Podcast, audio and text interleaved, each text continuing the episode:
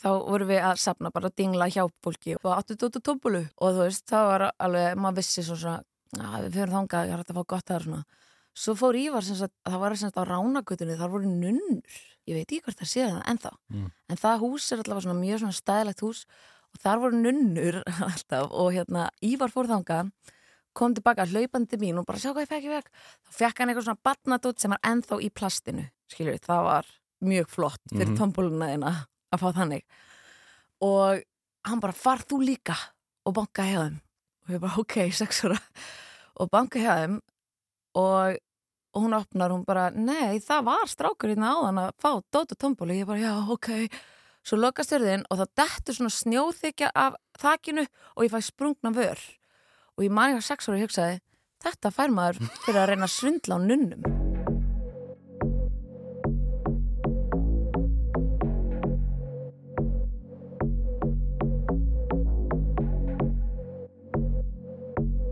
Komið í sæl, ég heiti Þórður Helgi og þetta er Greenland Pop.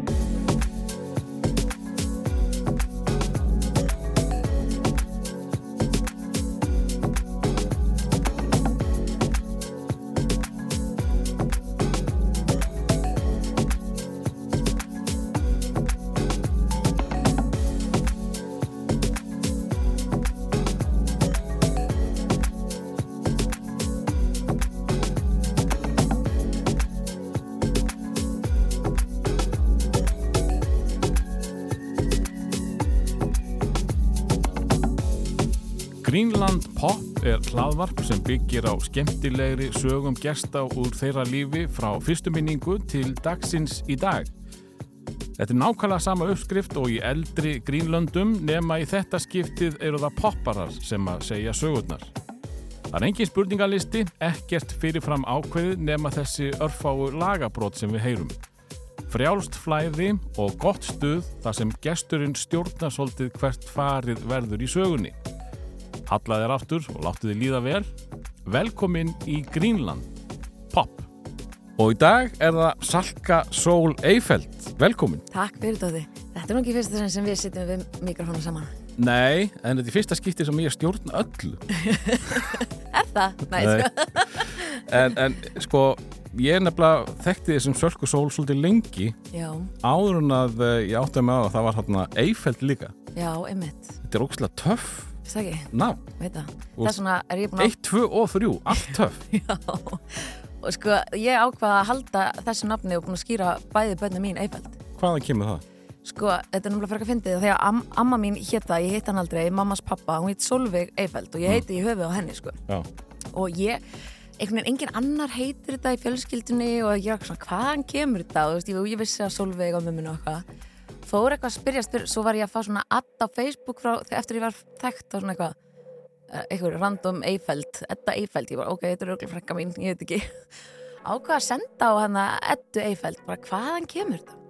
Og það er ekki betri sagans en það að sem sagt, í gamla þetta þegar það mátti enda búa til eftirnöfn þá bjó langaði minn til þetta eftirnöfn til að þykjast vera flottar en hann var eiginlega. Að því að þú veist, það var eitthvað svo flott að vera eitthvað með Torlasius eða Torvaldsen eða eitthvað svona. Og hann var að fara að flytja til Reykjavíkur og hugsaði bara, já, já, ég ætla að verða bara hérna með eftirnöfn og þá er lífið örgulega betra. Þannig að hann bara bjóð til bara mm, Eifeld ég er að setja fyrir mig þannig. Mm. Eifeld, þú skýrðu öll börnin sína Eifeld þannig að þaðan kemur þetta. Það er ekki það, er ekki það að ég eigi einhverjar hérna, geggja danska forfeður sem að hérna, fyrir- gegn sjálfstæðinu eða eitthvað, ég veit það Nei, ekki og sko. fórfrið þínu er ekki dansi, danski kaupmenn. Nei, danski kaupmenn Ríkumennin í hverjunu. Þetta er ekki engejar eitthvað, Nei. nei, þetta er ekkert slús En, uh, Hann bara bjóta til, mér finnst það það bara að sína ákveðinu sko, hvað ég segja, bara svona sjálfsvarkabjargar viðleitni Já. en pappiði notaði þetta ekki. Hann er ekkert skýrur þetta, Hann er ekki skýrður þetta. engin að börnum ömmu sko. Já, ok. Svo er það bara pappi sem er ákveður að halda í þessa arfleið Og hann skýr þig. Já, og skýri mig sko. Ah. Þannig ég skýrð Eifeld En Og- ertu þá Eifald Hjalmarsdóttir það? Já, Já. og hérna og ég, já, ég skýrði Eifeld og svo hafa nokkur svona hérna, frændsískin mín sem eru sem sagt börn sískin uh, pappa tekið þetta upp setna meir og skýrt börnin sín þetta þannig að, þú veist, við erum ég er kannski svo sem er að halda ég er efsti eifeldin, ég er elsti eifeldin í minn, mínum skiljur, Já, þú veist, ég, já ég En- vona að bönni mín skýr eifeld Eifeld ættin er svona að taka yfir. Já, Já, já, þú, þú áttar við á því greinlega, ég heyra það. Uh, Hérna, byrjum bara á byrjuninni. Já, uh, Hvað er svona fyrsta sem þú mannst eftir? já, einmitt, ég hérna ég, ég var búin að hlusta á gömlu þættin þetta er svo skemmlega þættir. Takk fyrir það. Og gaman einmitt sko að því að þetta býrum fyndi hvað maður verður svona til þess að vera gam, gamall ba maður barn er það ekki? Eitthvað sem er sagt. En hérna ég sérst er flutt aftur í gamla hverfið mitt. Ég var að kaupa mér á Brarborgstík íbúð og ég sé inn í herbyggið á í, eh, gamla herbyggið mitt. Nú varst ekki kópói Nei, ég er nefnilega að byrja í Vesturbænum á Já, Bárugötunni. Ok, og ég eiginlega bara, þegar ég stend á sölunum þá sé ég inn í gamla herbyggum mitt. Og það eru ofta hellast yfir mér svona óumbeðna minningar skilju, af Nú, því ég ókei. komin hann í þetta hotspot aftur sko. Og hérna, en þar eru svona mínar fyrstu minningar sko, og pappi kaupa hann á Bárugötu þegar pappi var að vinna í leikúsinu, þjóðleikúsinu og ég er í Vesturbæskóla Mm.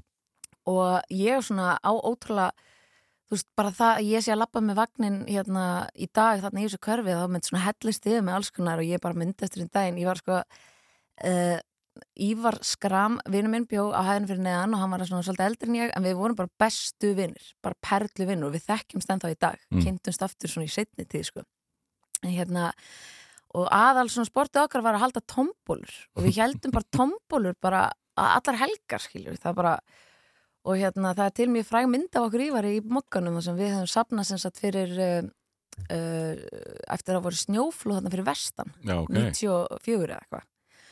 En hérna, svona ein fyndi minning sem kom til mér í daginn, þá var sko þá vorum við að sapna bara dingla hjá fólki og byggðum dóðu tómbólum og fekk stundum eitthvað óra súpu og stundum fekk mér eitthvað Já, þetta er, þetta er það langt síðan að þið voru ekki farin í fyrirtækin Þið voru að banka upp Er og það gert í dag? Já, það held ég Aha. Nei, við byggum upp á 8 dótu tómbólu Já, og þú veist, það var alveg, maður vissi svo svona, að við fyrir þangað, ég har hægt að fá gott það. Svo fór Ívar sem sagt, uh, það var sem sagt á Ránagutunni, þar voru nunnur. Ég veit ekki hvort það sé það ennþá. Mm. En það hús er alltaf svona mjög svona stæðilegt hús og þar voru nunnur alltaf og hérna Ívar fór þangað, kom tilbaka hlaupandi mín og bara sjá hvað ég fekk, ég fekk. Þá fekk hann eitthvað svona batnadótt sem var ennþá í plastinu. Skiljur, það var mjög flott fyrir mm þina að fá þannig. Og hann bara far þú líka? Og banka hjá þeim. Og ég bara ok, sex ára. Og banka hjá þeim og, og hún opnar hún bara, nei það var strákur hérna áðan að fá dótu tómbóli ég bara, já, ok svo lokast þurðin og það dettur svona snjóþekja þekja af þakinu og ég fæ sprungna vör. Og ég man ég var sex ára og ég hugsaði þetta fær maður fyrir að reyna að svindla á nunnum. Karmað maður. Já, þú veist, ég var sex ára og ég hugsaði þetta, ég bara, við vorum að reyna að svindla á nunnum. Og auðvitað bara kom karma bara beint í andliti á mér og ég sást á mér sprungna öður en það var alls konar þarna sko, ég meiri segja einn stelpa sem ég bara hitt einu sinni í bænum, bara hvað tjamminu, hún bara, maður þetta mér, við vorum alltaf að halda tombólur, ég bara, vá, ég er bara verið alveg tombólu hóra, sko. Bara alltaf að halda. En hún hérna, ég er enda svona rámaði eitthvað í hana og hún saði mér um eitthvað sögu sko, þú veist, það er náttúrulega að vera hann í miðbænum það er alls konar karakterar. Að hérna uh, við hefum ekkert sem bara farið í, þú veist, bankað uppi hjá fjölni tattu Mm. spurt hvort þið mættum kíkja í heimsók og ég greinilega fór í eitthvað partí til fjölnis tattu þegar ég var sex ára. og ég, og ég myndi ekkert eftir þessu sko. Og hún sagði mér þetta bara, jú, hún lítur að munna eftir þessu. Svo sagði mömmu þetta og mamma fekk bara roll skilur að ég sé bara mæti í partí hjá okkur fólki skilur þannig að það eru mjög skemmtilega minningar úr vesturbænum sko. Mm. og það er mjög gaman að vera komin ánga aftur og ég bara finna að ég sé alveg mín bött þar núna. Nákvæmlega. Eh, En hvern, hvernig barn var Salka Sól? og bara hress, rosa hress. Hérna uh, ég var svona algjört fyririldi og algjört skotta sko. Mm. og hérna, þú veist, ég man eftir svona leik pappi bjóti leik sem var svona ok, nú teljum við alltaf upp á tíu áður en við gerum eitthvað. Skilja, því ég var svo kvatvís, ég bara Mm. hljópið götu, bara, mm, tökum leikin hérna teljum upp á tíu. Og e, ég, ég var nú að hlusta á hann þáttana sem Hjálmar Örd var hjá þér, hann var að tala um að hann hafi verið í bandi þegar hann var lítill, fannst það ógæst að fyndi það því ég hugsaði, hefði ég átt að Og hann vera í var ekki að bandi? grínast. Nei, En sko, ég man eftir þessu, fólk var með börn í beistli, skilju, svona. Já, það var bara í göngutúrum. Já, var það Ég, ég, göngutúrum? ég sætti mig við það. Já, En mammas, var með hann í band út í garði. Það Já. er pínu svo ingjaldsfíblið, sko. já, pínulítið. Já, Og hvar endaði hann? hvað endaði hann? Ok. einmitt. En hérna, ég hefði örugglega þurft að vera í bandi, sko. Mm. En hérna, ég var bara svona, átti mjög öðvöld með að eignast vini og var svona, þú veist, fór í heimsók til gamla mannsins á hotninu og var þar bara gætt búin að vera. Ég var bara hjá Jónasi hérna, bara, þú veist, það var bara gaman eða eitthvað þannig. Að var, ég var Sem að mætti ekki í dag. Nei, ég eru glekki, sko, Mm. en það var allt í læ, þú veist, en, en hérna, svo þegar ég flytti Kópóin, þá var, átti ég þýska nágrannakonu sem heit Irma, þú veist, ég var bara alltaf hjá Irmu. Irma. Og það var bara Þýskalandi, hindisleg. En, en í skólanum, Já, líka, sko, ég er náttúrulega, já, ég flytti hann í Kópóin. hvað er komið þá? Það eru sjö ára. Ó. Ég er bara hann það fyrsta ári í Vesturbæðarskóla og þá var svona fyrir og eftir háti og ég var eftir háti. Mm. og hérna uh, jú, svo bara, þú veist, í Kópói náttúrulega kannski tala svolítið um það ofinberlega það var náttúrulega eitthvað skemmtilegasti tíminn svona, þú veist, stótt ég áttu þetta alveg góða daga en, en ég var fegin líka að koma staðan, sko og, og hérna, klára grunnskólan Mm. og í rauninni, sko, í áttunabæk þá fyrir ég annan skóla nýri bæ sem er tjarnaskóli þá er ég aftur komin einhvern veginn á það svæði og þá ber mér aftur að liða vel, sko. Ég er ekkit ég kenni kannski ekki kópóin með það að mér hafa liðið grýtla en þú veist það var bara þessar aðstæður sem að þú er ekki alveg bestar fyrir mig. En svo var ég í skólinn á Kópavóks sem ég ást ógæðslega gaman. Og hvað gerur þar? trompet, spila trompet. Aha. ég hef sko byrjað að læra piano og var bara mjög svona góð í því. Svo, svo man ég bara svona eftir því þegar bekkjabræða minn kemur með kassa þetta svona kassi sem geymir trompetið í skólan opnar hann og ég sé bara hann gull hlung og bara svona bara fylgir og ég hleyp heim og bara við mömmum að fá að læra trompet og fór að læra trompet sko Ég nefnilega lærið á trompet Nei, aha, í viku held ég. vá Þanga til að ég komst að því að ég þurfti að þrýfa. Mér fannst það ekki gaman. Sko. Nei, það er svolítið ógslegt Já, Það er svona takki á honum sko já, með slefinu. sem maður opnar og þá kemur slef út sko. Og ég held að það væri bara nóg að blása það út en Já. maður átti að pússa hann í hverju viku. Já, þú erum með svolítið harðan Já. Ég var ekki eftir að þurfa að Nú, gera það. ok. Nei, ekki endilega sko. Nei, En það er alveg fyrir ógislegt að vera eitthvað svona þú veist, það eru uh, 50-13 ára krakkar allir að spila eitthvað hljóðfæri og svo er bara slef á gólfinu eftir æfingu. Já, þegar ég bara hugsa um það, það er já, þetta er ekki Pant ekki, skúra skóla ljónstastúna en, en, en sko bara svona í námskona í tímum, lestu lítið fyrir þið fara eða varstu ábyrrandi eða hvernig? um, Varstu að heimsækja skólastjóra eða? mm, Ég var svolítið svona kannski upp að tækja söm sko Mm. Þú veist, ég var alveg típan sem festi tunguna við ljósastaur í frosti. Skilur þú? Og varstu að prófa? Já, Já. ég varð bara að prófa það. Og ég mani, með það var eitthvað svona, ég myndi ekki vera að leika mér á þessu hliði, það var eitt sem fekk glóður auga hérna gær. Ég var, hm, best að leika mér á þessu hliði og ég fekk þetta glóður auga. Já. Og hérna, og, og, og þú veist, ég man alveg uh, gangaurinn þurfti að koma með heitt vatn í þóttabóka til að losa mig af, af ljósastaur, sko, eins og niður tunguna. Þú veist. Já, þetta er satt sem sagt. Já, þetta er Ég alveg að þetta satt, var bara dæmi. Nei, þetta er alveg satt sko. Já, ok. og svolítið svona uh, detta og, og, og fara fram úr mér. Ég hef alltaf farið svolítið fram úr mér. Mm. nánast í öllu. Og nú á ég sko eina tveggjára og ég horfa á hana og ég bara, vákvæm fyrir fram úr sér. Nú skil ég hvað mamma og pappi var alltaf að segja. Svona hvatvísi, Mm. skilju en jú, ég var svolítið svona uh, já, uppdækjusum og, og, og brakkari sko. Og svo var ég svona pínu svona vandræðálingur Nú, það, dæst í það. Nei, en þú veist, ég var svona pínu að vera lengur út en ég mátti og svona Mm. og reykja og eitthvað en ég er hætti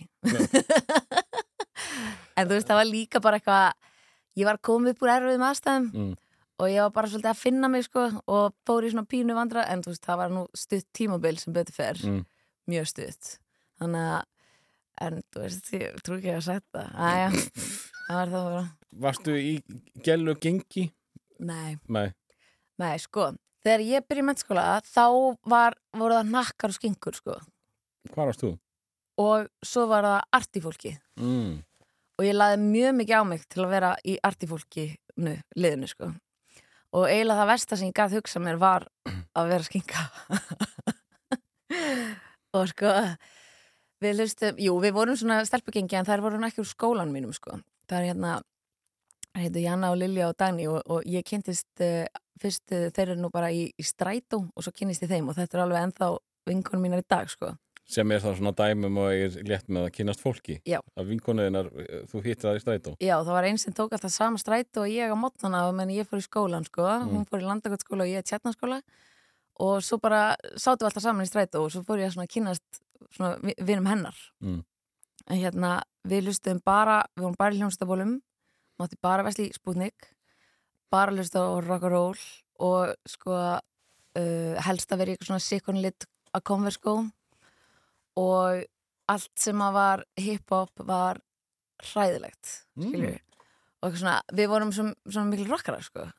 Uh, já, svona hljómsættabóla típur sko. Og hvað var hljómsveita sko ég var alltaf Led Zeppelin ból eða. Doors mm. uh, svo var þú veist þú ert náttúrulega þessi eldgamla sál við verðum ekki já. gleyma því sko. og þarna hafði hitti ég þessar stelpur sem voru það líka sko já, ok, og þú veist, Lilja var alltaf í Pink Floyd og Jana var alltaf í ó, ég man það ekki núna, en þú veist, það var alveg svona veist, mjög heilagt að eiga þessar hljómsættubúli og bara dogma opnaði og var eitthvað svona þrýr fyrir tvo tilbúið eitthvað og ég baði alltaf um eitthvað hljómsættubúli í ámálskjöfa eða jólgjöfa eða eitthvað. Já, ok. Þannig að við vorum, við vorum svona þetta gengi og svo þegar ég byrja í mennskóla þá fyrir ég alltaf inn að kynnast svona, svona fólki líka sko sem ég hafði einhvern veginn ekki þekkt fyrir nema náttúrulega bara það sko. Mm. en jú, það, það að bera á sig brungukrem var bara þú veist bara suicide sko. Það var bara ekki lægi með þessa gælur skilur bara okkur fannst það hræðilegt. Að því ég veit að það kom upp síðar. Já, og ánþess að ég vilja fara eitthvað of framalega í söguna mm það blundaði því spæstelpa sko já, já þá við einmitt og þær er ekkert í, í Led Zeppelin eða, eða Doors Nei, þetta er nefnilega svolítið fyndið. Þá ég er í öðrum bekk. Þegar að, nei, í ég er kannski í svona fjórðabekk. Já, ég er í fjórðabekk. mm. Og ég man ég fekk sko þrjá spæskulsbúli í ammálskjöf þegar ég var nýjára. Þá vissi ég ekkert hvað það var. En þá voru allar frænkunar eitthvað. Það sé allir að þetta er eitthvað vinsælest. Mm. Og ég eitthvað, ok, komst það hvað það var. Og auðvitað náttúrulega bara datti í mannjuna, sko. Og hérna, ég man eftir eftir, ég þekki hérna stelpu, sko, í dag sem að var í, þú veist, kannski sjönda, átta bekk þegar, þegar þetta var og þær voru svona spæskulsjómsett og ég man ég horfði á þær á okkur skólaskjöntun og ég var bara, þær eru spæskuls, þær eru það bara og þegar ég er að vinna með henni í dag hún er að vinna með mér upp í þjólkúsi Mm. og mér finnst hún bara að vera Mel B ennþá já, ok skilurðu. en hérna, jú, ég var mikill spæskuls aðdáðandi og svo það sem kom eftir spæskuls var, þú veist, Kristína Aguilera og Britney og eitthvað svona Old Saints þá strax var ég svolítið að hellast úr lestinni já, ok svo kom Pink og Avril Lavigne og þar var ég meira sko mm. þannig að, aðeins svona left field já, svona Já. pínulegt fíl sko, ég bara, þú veist, það er ekki kúl að vera magaból, skilur, hún er með bindi eitthvað, þú veist, það var flottara þannig að, já og Pink var alltaf svolítið flott sko, og hann töffari Já, hún var Já. töffar, þannig ég fór alltaf einhvern veginn og þá, og svo þegar ég svona kemst yfir þær þá fer ég að þá detti ég þetta gamla, sko mm. og ég verð húgt, ég fæ bara svona hyperfókus á að vita um allar hljónstir Já, þú varst ekki bara að skarta þessum bólum að því þeir voru töff Þú varst Nei. bara all in í þessi bönd Já, ég byrjaði bara þegar ég var svona 11 ára, sko mm. er, Það- er það í gegnum pappa eða? Já, pappi náttúrulega svona ítur undir áhugamál með því að kaupa diska Mm. og hann var ofta að vinna inn á Rástvö og fekk oft lánaða diska, veist, hann er alltaf gísladiskum Mm. Fekk lánaða diska, ég var eitthvað að herðu ég heyrði mig eitthvað hljómsýtt, hún heiti Guns N' Roses held ég, þú veist, að ég var ekki, gæti ekki fletti upp á neti, Nei, bara eitthvað sem ég hef heyrt sko, þá fór hann að náðu kannski í fjóra Guns N' Roses diska og ég lusti á það. Og ég með tók bara bítlana svona religiously, bara svona í ár lusti á all, allt sko. Og hérna, og hvaða aldur eru, eru það? þarna er ég kannski komin í sjöndabæk og svo, Þetta er ekkert rosalega mikið sjönda bekkja tónlist? Nei, en það var ég rosa þessu sko. Já, ok og hérna, svo svona í áttundabæk þá fæ ég fyrsta Doors diskin og þá varð ég rockari Mm. þá ég bara þarna þá var köllun skilur, hann var bara The American Poet og bara Jim Morrison plaggut út um allt og ég bara alveg húgt sko. Mm. og þá fekk ég mitt fyrsta hljónstabólin svona í áttundabæk og í nýjönda og tíunda þá, þú veist, þá var maður kannski komið smá peningum til handan, þá var maður bara að byrja að kaupa sér sjálfur og, og þú veist, þannig að já, ég var svona mikill músikpælari, sko. Og, og, og þá þá helst í þessu gamla dóti? Já, bara veginn á þessu tímbili, bara að því að þú varst, þarna að- þú varst ekki mikið að pæli í rockinu, samtímarockinu eða hvað? Nei, kannski mest svona eitthvað Radiohead sko. Mm. og náttúrulega Mm. þannig að aðeins fyrr þá var náttúrulega Limp Bizkit og Korn og Slipknot rosa mikið Þú það varst alveg það djúb í þessu Já, ég var alveg svona Limp Bizkit og hérna Slipnótt er hún helviti ha- hart sko. Já, það var kannski meir upp á sjóið Já. Ég held ég að við kannski sagst fíla að því að það var eitthvað það pass, það var ekki stílbrot Nei, en mér ást til dæmis hérna Limp Bizkit geðveikt mm. og Linkin Park, það var það skemmilegt sko. þannig að, en svo fæ, fór ég bara alveg tilbaka, eða semst var, var ég bara í þessu gamla, alveg fram í mentaskóla sko. eh, og svo færðist það kannski yfir í Jeff Buckley og Smiths og, og hérna Klaas, skilju, þannig að ég fór svona fyrst var það bara 70s mm. þú veist, svona hippa eitthvað Svo fórst það aðeins að opna fyrir ný, að- nýra efni eins og klass eins og Klaas, Já. einmitt, eða Smiths Já. þegar pappi sagði mér að Smiths var í 80s það var sjokkrandi sko. af því að þú veist, það var ekki í takt við mig að fíla 80s tónlist Mhm. en svo sagði hann, þetta er samt 80s Ég þekkti þig aðeins á, uh, ekki að þessum tíma, eh, síðar. Já, og uh, þá varst ekkit endilega í Doors og Led Zeppelin. Þú varst bara í hvítu máar og eitthvað, rækki bjarna eða eitthvað. Já, þú ég, varst alveg þar, hvenær fyrst ferðu þangað?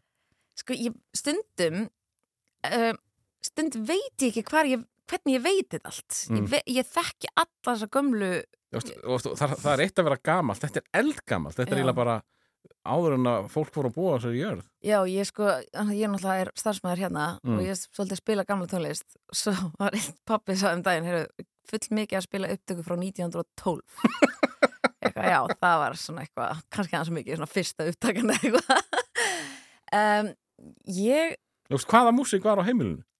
það var mjög mikið, þú veist, mamma mamma er diskógjala, sko Já. en fílar samt allt, sko og pappi er náttúrulega mega, mega pöngari Mm. og en ymmið bara svona tónlistilegt uppeldi það var líka rosa mikið Louis Armstrong og Ella Fitzgerald og, og þú veist, svo man ég eftir ég vorum ofta að keira í bílunum og pappi svona, veistu hvað þetta er og sagði það og þá bara myndi ég það bara, þú veist, ég, ég var bara 13 ára því ég kunni öll munin á öllum Lennon og, og McCartney lögunum, sko. Já, bara ok. þetta er Lennon, þetta er Cartney þetta, veist, þannig að þetta er Harrison.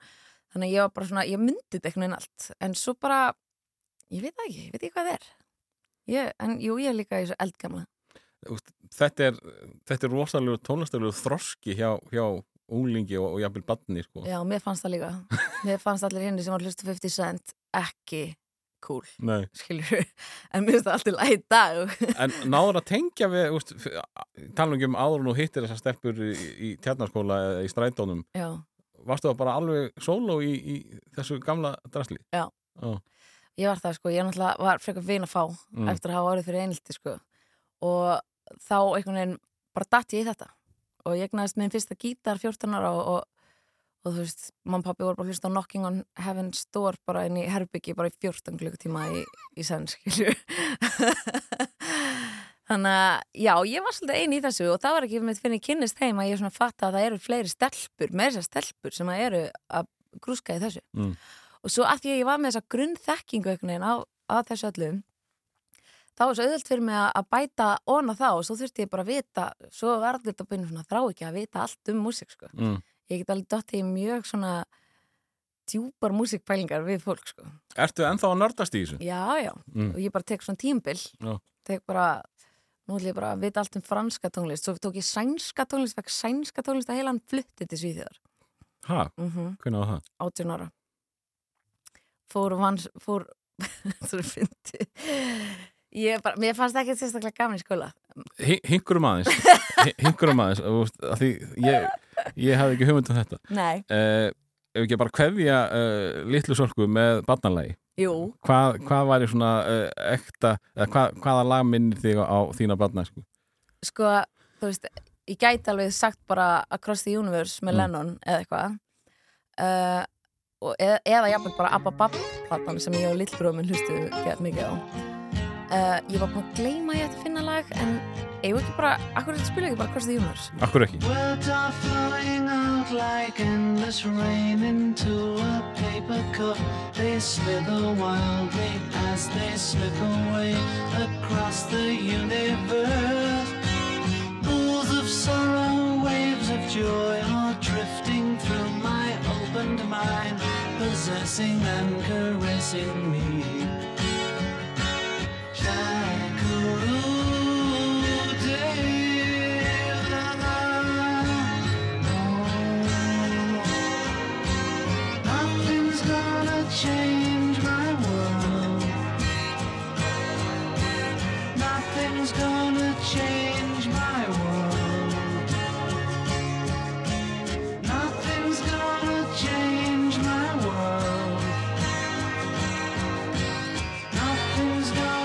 Change my world. Images of broken light which dance before me like a million eyes. They call me on and on across the universe. Floats me under like a restless wind inside a letterbox. They tumble blindly as they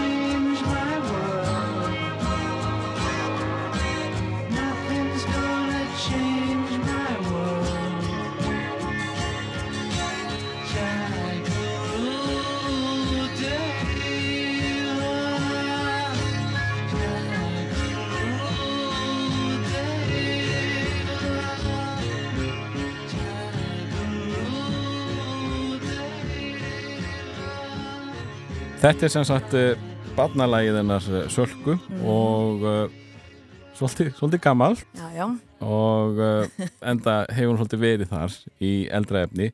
Uh, við erum komin í, í, í framhaldsskóla mhm og uh, hvert ferðu?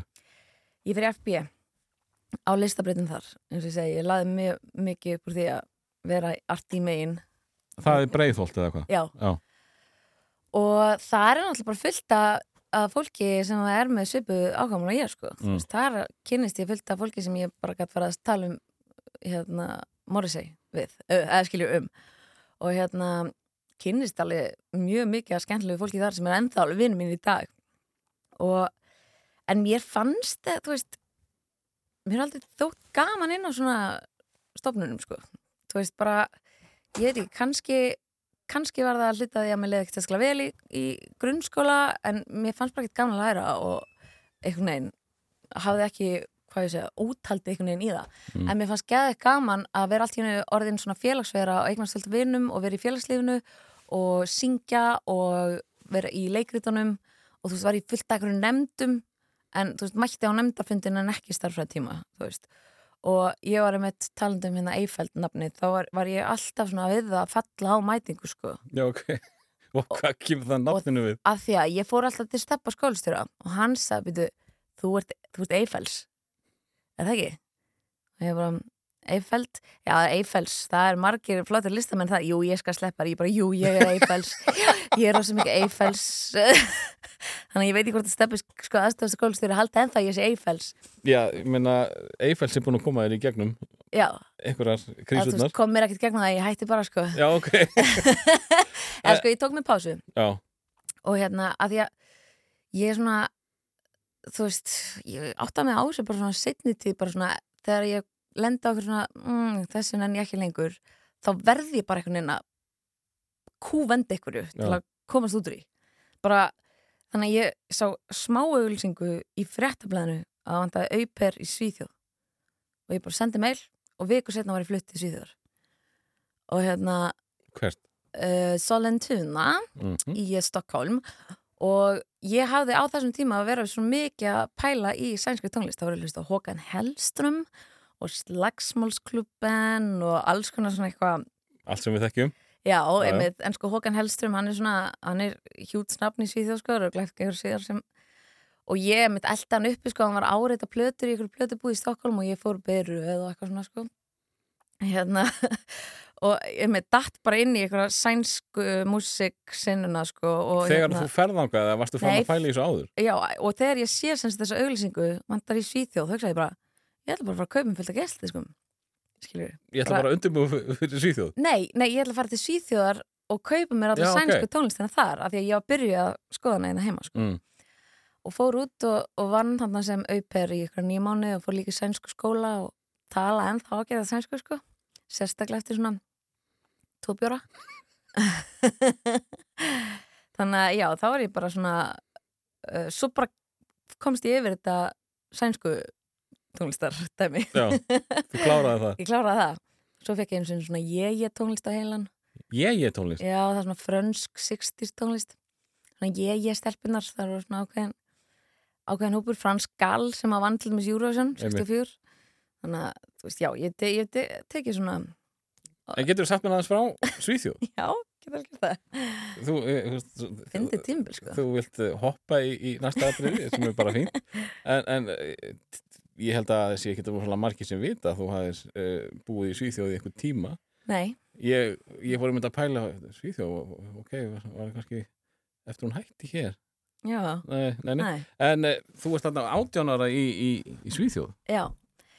Uh, Ég fór þannig bara vinn sem auper sem að og kynnist svona öðrum auper stelpum þar frá Úkrænu og Bandaríkjunum og eitthvað svona, ég er ennþá með þessar stelpur á Facebook og tala alveg reglulega við þar mm. svona like vin, vinnarsambönd skilur svona ég like á þér, þú like á mér en hérna og ég bara eitthvað, þú veist, var bara svolítið að djamma og, og læra sænsku og og hvernig eru Svíjar? sko mér fannst þetta gaman að því að ég var ég kynnist mér svolítið hana þú veist, ég hef mikið kannski ein að fara í bæinn í gamla bæinn og skoða og, og hérna um finna grúska í tónlist og fara í búður og máta föt og eitthvað bara svona, ef maður er svolítið svona eitt þegar maður fer svona Mhm. út sem þegar maður er ekki með börnin.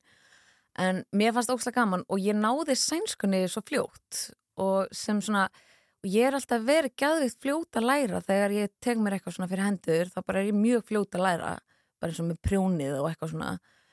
Og þarna bara fæ ég bara svona hyperfókus á það að læra sænsku og bara læri sænsku, ég bara verð bara mjög góð og svo kem ég, þú veist, þegar ég kem heim og fara aftur í mentaskólan, þá er ég bara uh, eitthvað að segja mér að læra dönsku skilur eða eitthvað þannig. Ef meira sem eitthvað hefur sagt mér að læra sænsku þá er ekki lært það það þarf uh, en þú veist, ég mynd, ég mynd sko ég var rifið upp um daginn ég, guð mig góður, ég hef ekki talað um mjög lengi en þú veist, þarna var ég byrjuð með MySpace og ég var bara svona bara, ég var bara að kóða HTML, kóða bara MySpace síðuna mína til að gera hana flotta og bara skipti máli hvað lag átt að vera á fórsíðinu og svona svo sko var ekki sérstaklega vel borgað að vera auper Nei, nei. þannig að ég sko opnaði MySpace síðu það sem ég fór í H&M og eitthvað búður og kefti fött og seldi til Íslands. Já, ok. Já. og það veit enginn enn þann dag í dag að ég var baka þessi síðu. Og hún varð alveg pínu stór. Svona fatta síða þetta er náttúrulega kólögulegt þannig að á ég kannski ekki að vera sefur á því Þetta var- aldrei á þetta ég var átján ára sko. Já, og það Þetta er fint, þetta er fint Já, þú veist, þá tók ég bara myndir af fötum þessi til í small, medium, large. Og þá var kannski bara ég til í small, ég til medium, large þá fór ég bara, ok, það legg ég inn þarna þá fór ég bara búin að kifti, skilju Já, ok, þú keift, nei, þú tókst bara myndir af Já. dótinu sem að þér langaði að selja, þú varst ekki með lagir Nei, þú fórst eftir á að, að já, til að tapa aldrei peningum þannig, já, þú gast ekki tappa á þessu. Nei, og ég grætti kannski bara 500 kall á hverju flík en 500 kall fyrir 18 ára mig í Svíþjóð það var bara hellings peningur sko. Þannig að ég var alltaf að retta mér. Já, heldur betur. en, en sko, þú byrjar snemma í tónlistanámi. Já, uh, Ertu aldrei að fykta í, í tónlist með öðrum eða ertu bara að gera þetta fyrir sjálf þig? nei ég, nei eiginlega ekki sko. Var ekkert mikið, jú sko jú, þegar ég er endar á eldri upptökur en það sem ég sendi þér kannski. Jú, fyrsti kæristu minn sko, hann var í hljómsveit og hann var í hljómsveitinni Nilfisk Já, sem að, sem að hitta upp fyrir Foo Fighters og voru alveg svona stórstjörnur sko á þessum tíma fannst okkur allavega. Og við vor, byrjum eiginlega allar með þeim. Algjör grúppjur skilju já, uh, og, vi, og við vorum svolítið svona að spila saman og, og, og syngja og svona en ég var þú veist ég var aldrei þetta var alltaf þarna til staðar en ég var kannski aldrei eitthvað svona nú ætlum ég að verða tónlistamæður eða söngari eða eitthvað sko Var þetta ekki pæling hjá þér þegar þú varst yngri að þú ætlar að vera nei, tónlistar eitthvað? Nei, en ég held samt sko, þegar ég svona ho- hugsa tilbaka, þá held ég að hafi verið bara tengt eitthvað svona óöryggi. Mm. Ég held að, þú veist, innstinni þá langaði mig ógæðsla að gera það og vera það, en ég sagði það kannski ekki upp á bara svo, ég myndi ekki vera feiljur fyrir mig og aðra, skiljur mig. Mm Uh, og það er raunin ekkert fyrir bara lengur setna að ég bara fæ, hvað ég segja, ég held, ég held sjálfströst bara til að gera þetta sko. Mm. Þannig að, jú, þú veist, jú, mér langaði alltaf.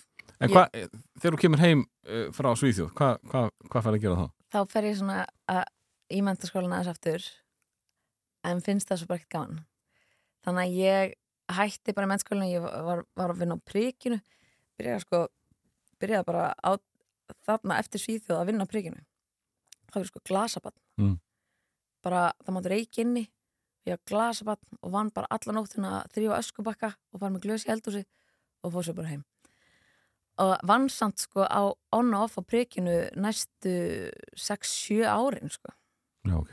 já, með þess að þegar ég fór út sko þá kom, og þegar ég kom tilbaka um sumar og, og jól og svona, þá tók ég alltaf vektar á príkinu þar elst ég svolítið upp sko svona prík menningin En þú varst ekki, þú varst ekki kona uh, hip-hopsins, en þannig er ekkert nema, hip- Nei. eða var ekkert nema en hip-hop. þarna byrja ég að kynnast því sko Aha.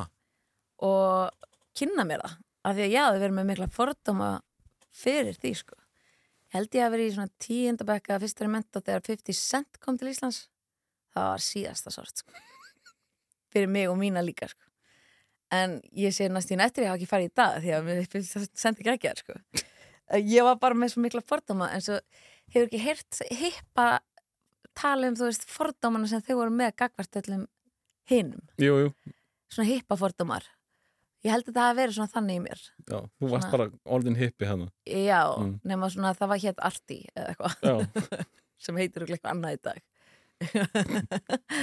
En, en, uh, en já, þá kem ég bara heim og, og hérna er að vinna príkinu bara byrja svo að vinna þar bara full time eða þannig. Og hérna uh, svo þegar ég er 22 þá fer ég út til Byrjlands í nám. Þá þurfti ég að vera bara já, nei, ég, hvernig, ég man aldrei nýtt þetta er að tala svo mikið um sjálfum mig maður. Ég hérna, nei, ég var að vinna líka í félagsmyndstöðum í Kópói, mér finnst það alltaf ógæslega gaman.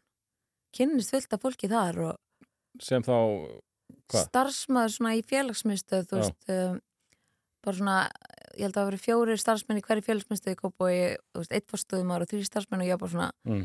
og ég man þessum tíma þá var ég bara meilangar að vera fórstöðumar veist, og maður þau var með háskólagráði og ég bara, hmm, en leðilegt en svo ég segi svo, já og svo byrja ég reyndar þá líka í gegnum vinn minn í félagsmyndstöðinu kynnist ég krökkunum í sem að setna verður svo hljómsveitin út í dúr Mm. Og það eru svona miðbæðar krakkar sem að ég kynnist og, og, og prófa svona að byrja að spila aðeins með þeim og enda svo í þessari hljómsveit sem trompet og harmonikuleikari sem í út í dúr Mm.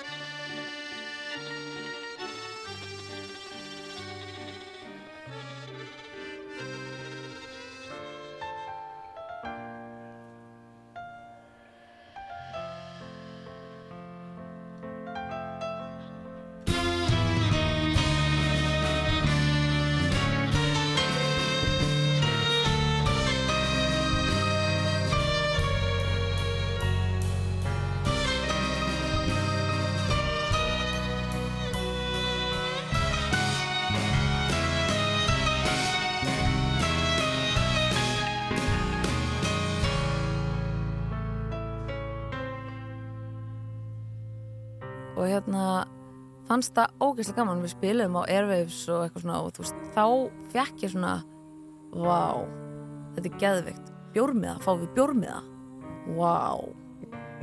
Og eitthvað svona, þeir eru ekki borgin gestalisti, meg við setja á gesta vá, og ég meðan með þetta allt ógeðslega spennandi, þótt ég hafi bara, einmitt bara verið já, svona Og þannig ertu að vinna í félagsmyndstöðum? Já, þannig er ég að vinna í fylgsmyndstinni og þarna kannski kviknar aftur svona og- áhugin á að syngja og, og svona eitthvað og spila og vera í þessum heimi sko, mér finnst þetta geðveikt það ég bara fann mig sko. En ég saði samt ekki þessum krökkum sem ég með hljómsend að ég gæti sungir sko. Ég var ekki komin þáka Eh, varstu ekki eins og í bakgröndum eða? Jú, jú, og svo var það eitthvað tíma einu sinni sem að söngun og komst ekki æfingu og ég kunni all lögin sko og ég söng og þeirra lög Ó Þannig að, en svo er þessi ljómsveiturinn alveg ennþá starfandi þegar ég fer út. Já, af því að þarna á þessu tímbjöndi þá fer ég bara eitthvað aðeimitt, mér finnst þetta svo skemmtilegt. Þá, og ég hugsaði ég er háskólagráðu, kannski ef ég ætla að vera fórstöðum að fjölsmyndstöð, fer út í nám. Og hvað fyrir að læra? þá ég að læra þetta actor musicianship. Já, sem Þá- er hvað? sem er sko þá, að því að ég fann þetta nám þá fannst mér það svona spennandi og hérna, Þú áttir erfitt með að finna nám sem þú hafði mikið náhuga á. já, þú veist, ég hafði mér langaði alveg að fara kannski í leiklistskólinn hérna heima en ég var ekki alveg með svona um, ég var ekki nógu fókusur á það held ég samt, þú veist, til að fara alla Þú leið þarft líka að vera svolítið mikið í ég til þess að... já, sem ég er náttúrulega er. Nei, Já, tjók. varstu kannski ekki þá. Nei, var kannski ekki þá um og, og svona og þorðið ég ekki. Þú veist, þegar ég held að sé alveg styrkur í því að viðkenna það núna en þú veist, ég vildi alveg óska að ég hefði verið með pínu meira sjálfströst svona í gegnum tíðina sko. þetta allavega sem ég er með í dag Mm. en hérna þá fer ég hann út og svo var það líka þú veist, þessi tendens í mér að að vera þurfa alltaf svolítið að flýja aðstæður þegar ég er búin með eitthvað skilur við, og þess vegna held ég að ég fór til Svíþjóður sín tíma og, og þess vegna svona, já þú veist bara, já, gerum bara eitthvað allt annað, en það hefur oft gert mikið eitthvað gott, veist, ég hef bara fundið nýja mig á þessum stöðum og þessum tímum Og hvað, hérna, og hvað fannstu í þessu námi út í Breitlandi? Hvar, hvar varstu? Ég var í London og ég byrjaði bara að syngja á fullu, ég byrjaði bara að taka upp, ég byrjaði að semja lög. Eh, Varstu lítið að syngja sjálf? Varstu meira á, á meira- og, og eitthvað? Já, og kannski bara inn í herbyggi, sko. Já. En þú söngst allan fyrir sjálfa þig? Já, já. Já. Og, uh, Voru fóröldarnir ekkert þeirra? Þú ert nú fjári góð, jú, mamma var alltaf syngd út. Ég var alltaf að spila píanoði heima og Já. syngja. Syngdu út og ég þorði ekki aldrei að syngja út. Og, jú, mamma og pappi, sko, voru alveg hvetið mér, sko. En ég, það, ég held að það hafi ekki verið hægt. Skilur mig. En hérna, en þarna úti finn ég röddina mína og þegar ég kem tilbaka úr því námið, þá fer ég svolítið svona fyrst svona aktíft að reyna að koma mér aðeins áfram sem söngkona, sko. Þá ertu tilbúin að samþykja þig sem söngkona Já, og, og, og syngur út. Já, Já. syng út og árið síðar er söngkona ársins á Íslensk tónlistarlunum Búm. Búm! En kemur þú beint á, á hérna mögnuðu sjónvarstöð Bravo frá, frá hérna Breitlandi? Sko þetta er ég og þér sem margt að þakka bara í þessum bransa. Það er bara má alveg vera átt þér sko. Að því að þú hafði nú trúað mér þar sko. Hérna, það er pínu fyndigun það æxlast. Að því að ég er náttúrulega svona fyririldi sko og oft meira heldur en ég átti mig á. á. Mm. En hérna ég uh, fer sem sagt var að talsita teik, teiknumyndirinn í myndform. Já, við glindum alveg að fara þangað. Þú byrjar frekar snemma á því, ég þengi. Pappin er náttúrulega leikari Já, og var mikið í teiknumyndum mm algjört svona legend sko. Já, og var hann þá að draga þig með eh, bara til að horfa á eða hvernig, hvernig fórst inn í þetta? Já, þú veist, þegar Júli Agnars var með þetta hennar nýri bæ, þá var ég mjög mikið að horfa á sko, og fylgjast með og, hérna, en það var erfitt að komast inn sem bann Mm. sko, og hérna, ég fór í nokkra pröfur sem ég fekk ekki, en fekk svona kannski þrjú, eða þrjár myndir svona á nokkra tímbili og mér fannst það skemmtilegasta og bara flottasta í heimi að Mástu talsetja. hvað var fyrsta myndin sem að þú Já, fyrst? ég held að það hafi verið The Chronicles of Narnia Mm. uh, sem að var svona leikinmynd og ég held að það voru alveg þrjár myndir eða eitthvað. Og svo var eitthvað sem hétt Racing Stripes líka leikinmynd, þetta er allt eitthvað svona B-myndir sko held ég. Narni er nú ekkert bíl Nei, B, er svolítið- nei, Narnia var alveg svolítið flott. Já, og hérna, ég fór alveg í pröfu fyrir Harry Potter og svona, en svo að því að maður fann alltaf að fyrir pröfu og það er sendt út og þeir ákveða sko. já, ok. Þannig að þú getur kannski alveg verið með sambund að komast í pröfunar en svo þarf alveg að samþykja þig þannig að ég hafa það líka hreinu. En, en að því við erum hérna Já, og uh, þú sagði mér einhver tíma Já. að þú værir góð vinkona uh, sonar míns þá varst ekki Maja bífluga eða eitthvað? Ég, ég var villi bífla Villi bífluga, já, Já. einmitt. Þannig að uh, fyrir þau sem eiga börn núna hvað hva, hva geta þau þú er náttúrulega verið í mörgum stórum myndum ég, maður þekkir náttúrulega bara röddina stundum. Já, en svona þín helstu hlutverk í þessum bransa? Sko og þá er ég að tala bara um alveg til dagsins í dag. Já, sko, ég, ég hérna náttúrulega á bara tveggjára bad þannig að fyrir það sá ég aldrei þessar myndir og ég glimti bara að ég hafði talsett þær. En núna er ég alltaf eitthvað, já, ég talaði þessa, já, ég talaði þessa. En ég, jú, ég var semst villi bífluga alveg í 70 þætti það þekka mjög margir röddin í honum. Og svo einmitt er ég líka í Tulipop svona, og það er svona þeir þættir sem ég hef gert. Mm. en af bíómyndum þá uh, vá, þetta, ég, þetta er þú varst í Lego. Já, ég var leika mói, akkurat og hérna, svo var ég mynd sem heit Home það var Rihanna sem talaði fyrir þá á ennsku Mm. uh, svo er ég í öllum hérna Hotel Transylvania myndunum. Hver er þú þar?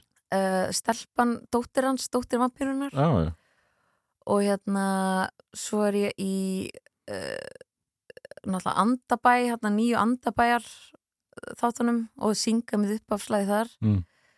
Ég var búin að taka það saman ég er eitthvað emoji mynd, svo var ég strum, strimpa í já. og um, svo var ég eitthvað villisvín í eitthvað mynd sem heit Wonderland Inside Out sem er hérna heilamyndin Já. já. Mástu hvernig þú ert þar? Ég, ég þarf eitthvað svona blá og eitthvað svona já, og eitthvað svona karakter á, á bókasafni og eitthvað uh, svo er ég núna síðast er ég í hann að Mirabelle í Encanto sem að er að slá í gegn held ég. Er hún alveg ný? já, og hún er sko komin inn á Disney Plus með íslensku tali. Já, ok. Þannig að, Ég er með, einmitt sko hérna Ég vissi ekkert hvað það var. Nei, og ég var hund sem myndi Bruno. Að það? Já, og ég er alltaf að posta einhverjum hundamyndum. Og svo er ég alltaf að fá skilabóð tilbaka við tölum ekki um Bruno. Já, og ég bara, hvað er að ykkur er maður, svo sætur. Eitthvað og ekki tala um undir mér.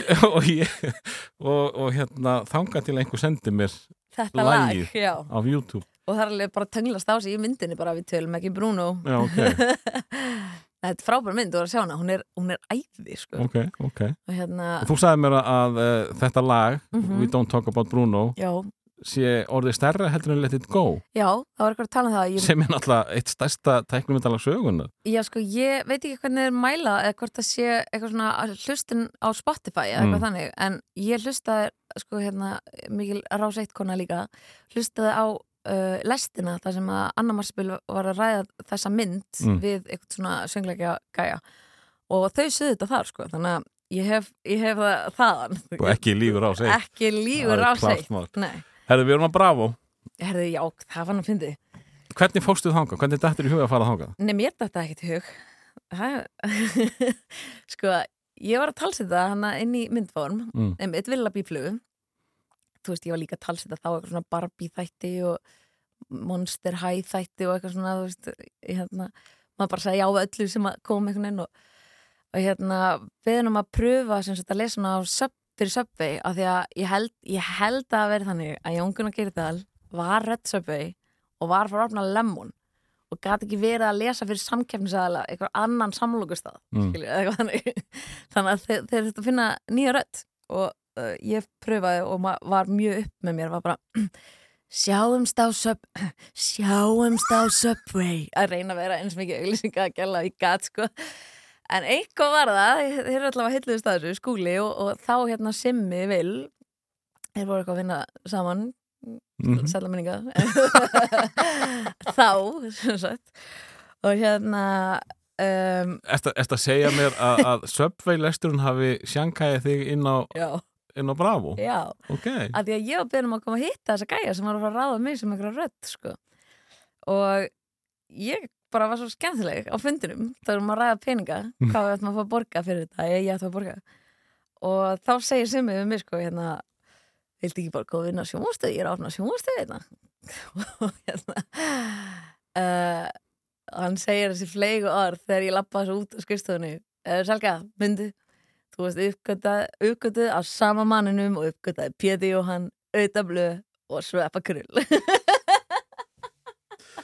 Allar hann að egna sér þessa menja Æja, hann, gerði- hann má alveg eiga eitthvað í því sko, en ég man vinkunum mín sko beð út í bíl eftir mér, ég, ég var einhver stundu bara svona stöðu fundur, svo labbaði ég og sest út í bíl bara, ég held að ég sé farin að vinna á sjónvarstöð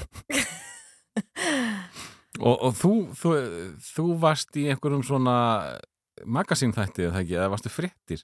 Nei, unnur ekki þess að fréttir. Ég- Nei, já, hún var fréttir Nei, ég, ég man aldrei Nei, neitt sko. ég Jú, ég kynnist þeim unni ekkert Já. við vorum báðar hann Ég held að hún hafi verið eitthvað uh, popfréttir og þú- Bravo fréttir Já, bravo fréttir, já, Og við vorum eitthvað svona, ég og Ómar Úlfur vorum eitthvað svona á þrygg, Já, Ómar Axinu, eitthvað svona þryggja fjara tíma live þátt bara, ég man ekki að segja hvað vorum að gera sko. Það spila YouTube-vídeó, Já, var það málið? við minnið það sko. Já, En ég man eftir því að þetta var ekki hittari enda loka um þreifum mánuðu setna Þetta lokaðan þreim mánuðum senna En hérna, þetta var samt gaman sko. Og þú varst þarna með Pétur Jóhanni. Pétur Jóhann var með spjallþátt. Já, Pétur, Pétur, Pétur. Já, hérna það. Hann hétt Pétur Jóhann og lægi var eitthvað Pétur, Pétur, Pétur, Pétur, Pétur Jóhann Já, og hann var með eitthvað svona hann var með eitthvað ofurhetji sem var eitthvað blómavasamadurinn eða eitthvað, eða eitthvað álga Þegar, að- þegar að Pétur fær að skrifa handrið sitt sjálf, sjálfur með engum að bendunum á okkar þá, þá fáum við blóma vasamann. Já, það var eitthvað svona hvað er hérna vasamadurinn og þá voru hann með hendur sem blómavasa eða eitthvað, gæti ekki opna hurða hún og eitthvað, alveg vonlus super hetja. Já, og svo voru þeir að slást við þarna skrollaran, hann, hann steimda það var eitthvað svaka production. rosa production. Þetta var þrýr mánuðir, góðið mánuðir en við sátum hann saman og ég man bara, þú veist, þarna var ég bara já, þetta, þetta var skemmtileg ferill. Þetta var gaman. Og þú varst að tala í síman og ég held þú hafi verið að segja að það vantaði eitthvað ný sumar aflýsingar á rástöð Ég man ekki nákvæmlega hvernig það var. Nei. þá var stannlegt að ég sé að tala um þetta sko. Nei, og ég eitthvað, Dotti, ég, ég, ég, ég skal gera það. Og hérna uh, þú eitthvað, já, þú veist þú farðu að tala við hérna dagskastjóra og ég vissi náttúrulega ekki hvað það var og þú bara gafst mér allir upplýsingar og ég fór að tala við þá Frank Hall. Og þurfti svona hann bara svona, akkur ætti þú að vera uh, aflýsingar, hver ert þú og hvað þykist þú vera? Nei, tjók, hann var ekki hannig en þú veist, þetta var svona mm og ég þú, veist, þú varst búin að gefa góð á þetta bara, og þú mæltir alveg með mér þú, þú, þú hefur aldrei sendt mér til Franknum að þú hefur eitthvað að trúa mér. Nei, þetta var eitthvað sko ég átt að vera já, og það átt að vera kona með mér. Og það vantaði eitthvað með þér. Já. og, og, og ég bent á þig og ég nefndi engan annan sko. Nei, hann er einhvern kift það bara sko. Já, og, og hann fær mig þarna áfund sko. ég man Já. alveg, ég strepa stressi bara, ég, ég er mjög flott eitthvað þú veist. Ég geta alveg gert þetta. En svo erum við þarna saman um sumarið og það verður bara pínu hittari. Já, þú veist, þetta var vinsælt þáttur. Það náttúrulega hjálpaði til að, var það ekki bara sama suma sem að hossið kemur? Jú, jú, það var sama sumar. Já, og þá náttúrulega verður salkarsól uh, já, verður sólinn sterk í sölku. Já, já, en verðum við ekki áður við förum í uh, frægusölku já, ef þá ekki að heyra sölku sem að fáir þekkja er þetta af rock.is þetta er á rock.is, ég skal segja það. Ég samdi þetta lag þegar ég var 14 ára lag og texta en þarna þorði ég ekkert mikið að syngja og þannig er Lilja vinkuna að syngja reyndar er ég að syngja þessu upptöku en ég samdi það eiginlega fyrst fyrir hana. Mm. og síðan hefur þetta lag sko unnið, nei verið í öðru sæti í söngakeppni FA 2004 kannski en ekki námið það þá söngi ég þetta lag á íslensku í bara söngakeppni framhalskólana Nú, söngkeppni framhalskólana þegar þú varst í FB eða? já, Ok, er þetta þá fyrir hvenna, hvað er þessi upptaka gömur? þessi er af rock.is og er örgulega svona frá 2004 myndi ég segja. Og heitir það If the Sun? Eða vantar meira á þetta? það heitir eftir sann, rosa texti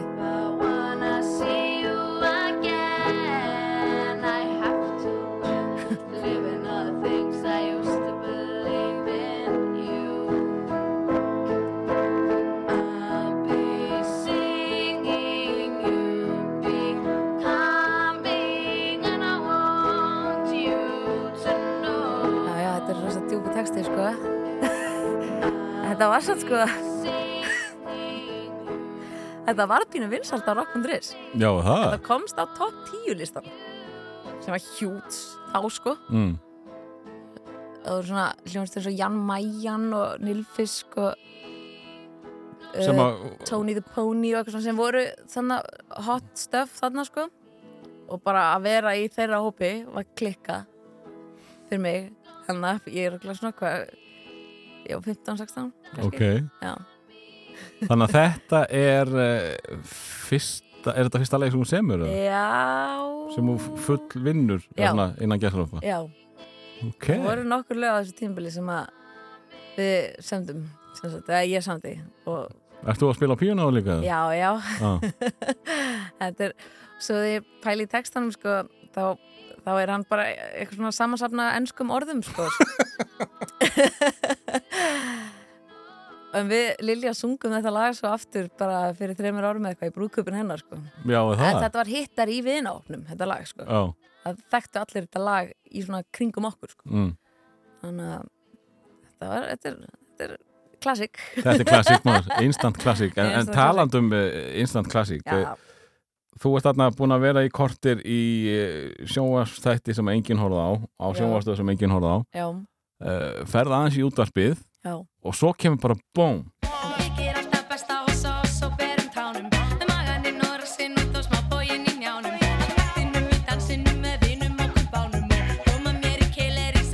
kinnum nánum. Þetta er klassik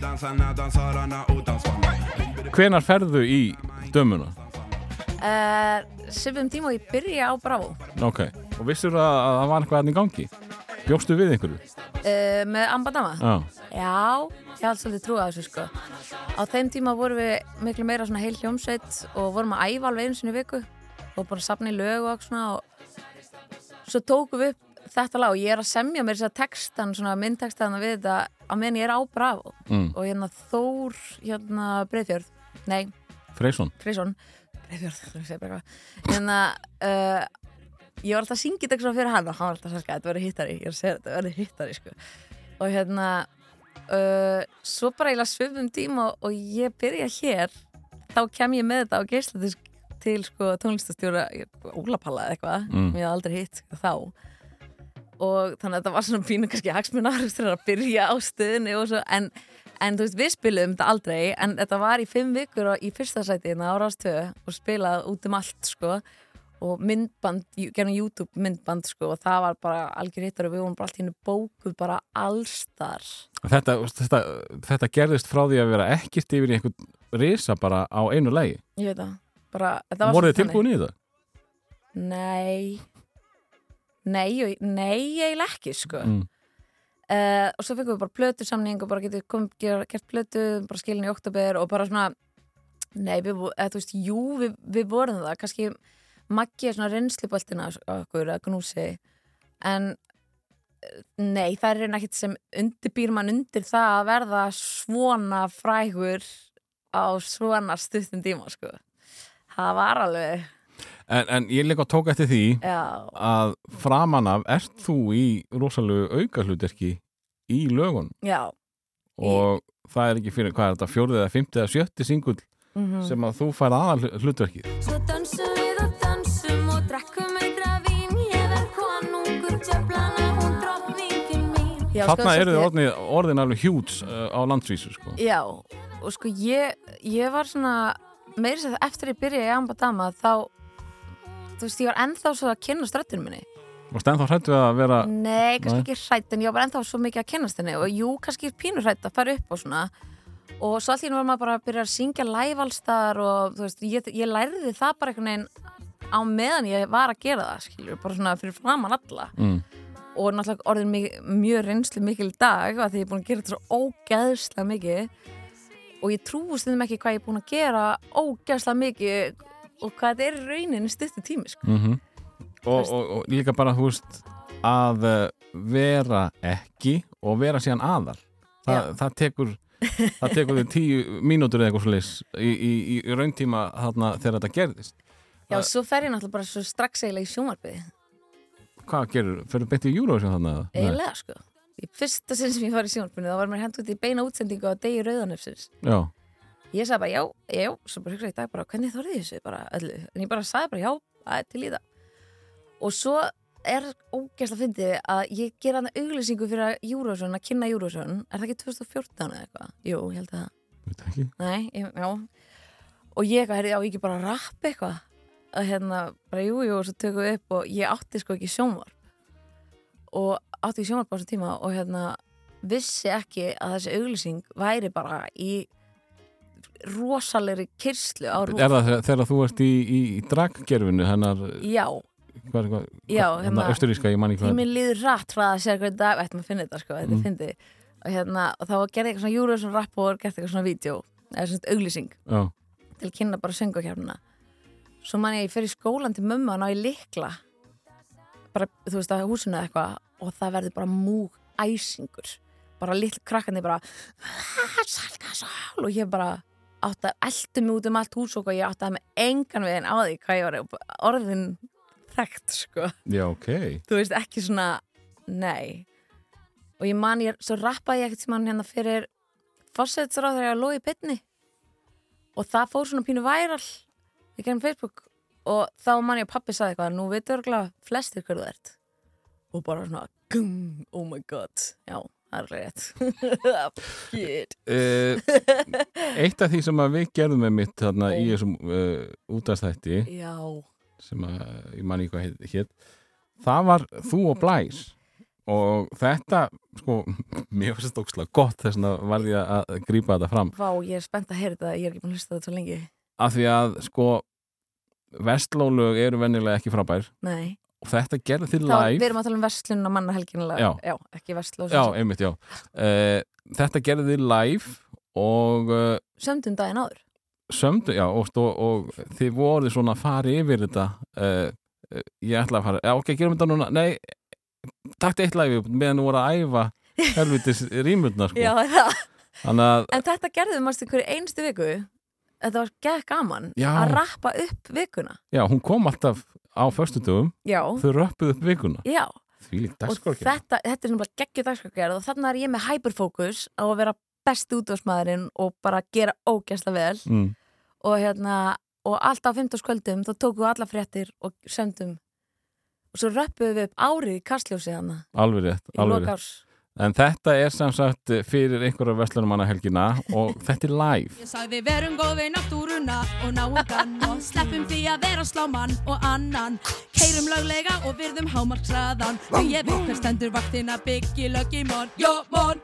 Ég sagði byggi löggi mon, jó mon Ég sagði byggi löggi mon Eja, eja, eða á inni búkan. Ég vil segja, segja að það Við verður erum alveg móðar.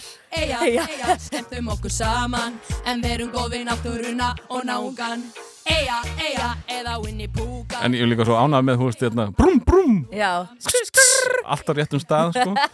þetta, ég er nefnilega sko, svo hissa á því að því þetta er til hér og, og þið voru sendið í stúdíu til að gera þetta betur. Já, takk þið upp. Og uh, samt er þetta aldrei neitt hitt á um, kringum Vestlurumverki Það er bara þú sem spilar það það bara ég En það er kannski að því að þú múrt einn sem mannst eftir því sko. gæti verið, gæti verið Herðu, já, þetta, það var úksla fyndið. Frank Hall ringdi og eitthvað, herðu, þetta var svo skemmtilegt, ef við ekki að taka þetta mm. Það var nú svona, það var þetta grín komið svolítið langt, sko, fannst okkur. uh, þið uh, komið mitt fram á uh, inn í púkanum Mm, hvort það hafa bara verið þetta, uh, þetta ár, ég veit það ekki já, kannski. er þetta lag, gerðu þið ekki þetta lag með frímannin? Það er kopparinn. kopparinn. Hvernig, hvernig kom það til?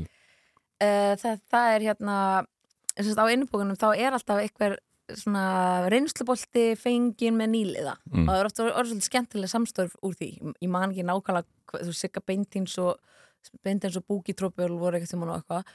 Og við erum pöruð þarna saman og uppaflega þá var það sem sagt bara Jakob Fríman sem söng æj, æj, æj, æj, æj og svo glimdi ég mér þess að algjör svona stöðmana þessi það ekki? Mm. Þannig að, en svo var þetta lag sem ég hittari á hérna svo mikið hittari á innbúkunum að við tókum það upp Já, og ég hérna, ég mani mitt sko að þetta var live á Rás 2 og við tókum það jafnast ekkert á við Jazz sem er lag eftir Jakob Fríman og ég er bara eitthvað á innbúkunum og fatt ekki að þetta er eitthvað á Rás 2 og er náttúrulega orðin sem í badnastjarnar þarna. Og svo erum við bara að syngja þetta er alltaf svolítið jam og það er bara og hefnast ekkert á við jazz. Og svo öskar ég nema reggi og has og þú veist sem var mjög fyndir skilur á húrra skilur á jamminu en kannski ekki bytna rástuða og ég man þessu daginn eftir þá fórum við með bát hérna til Vestmanega og Björn Jörgur sagði, þú ætti ekki verið að segja reggi og hass í útvarpinu Björn já, En var það sem sagt eh, frímaðurinn sem tók æja í kaplan? já.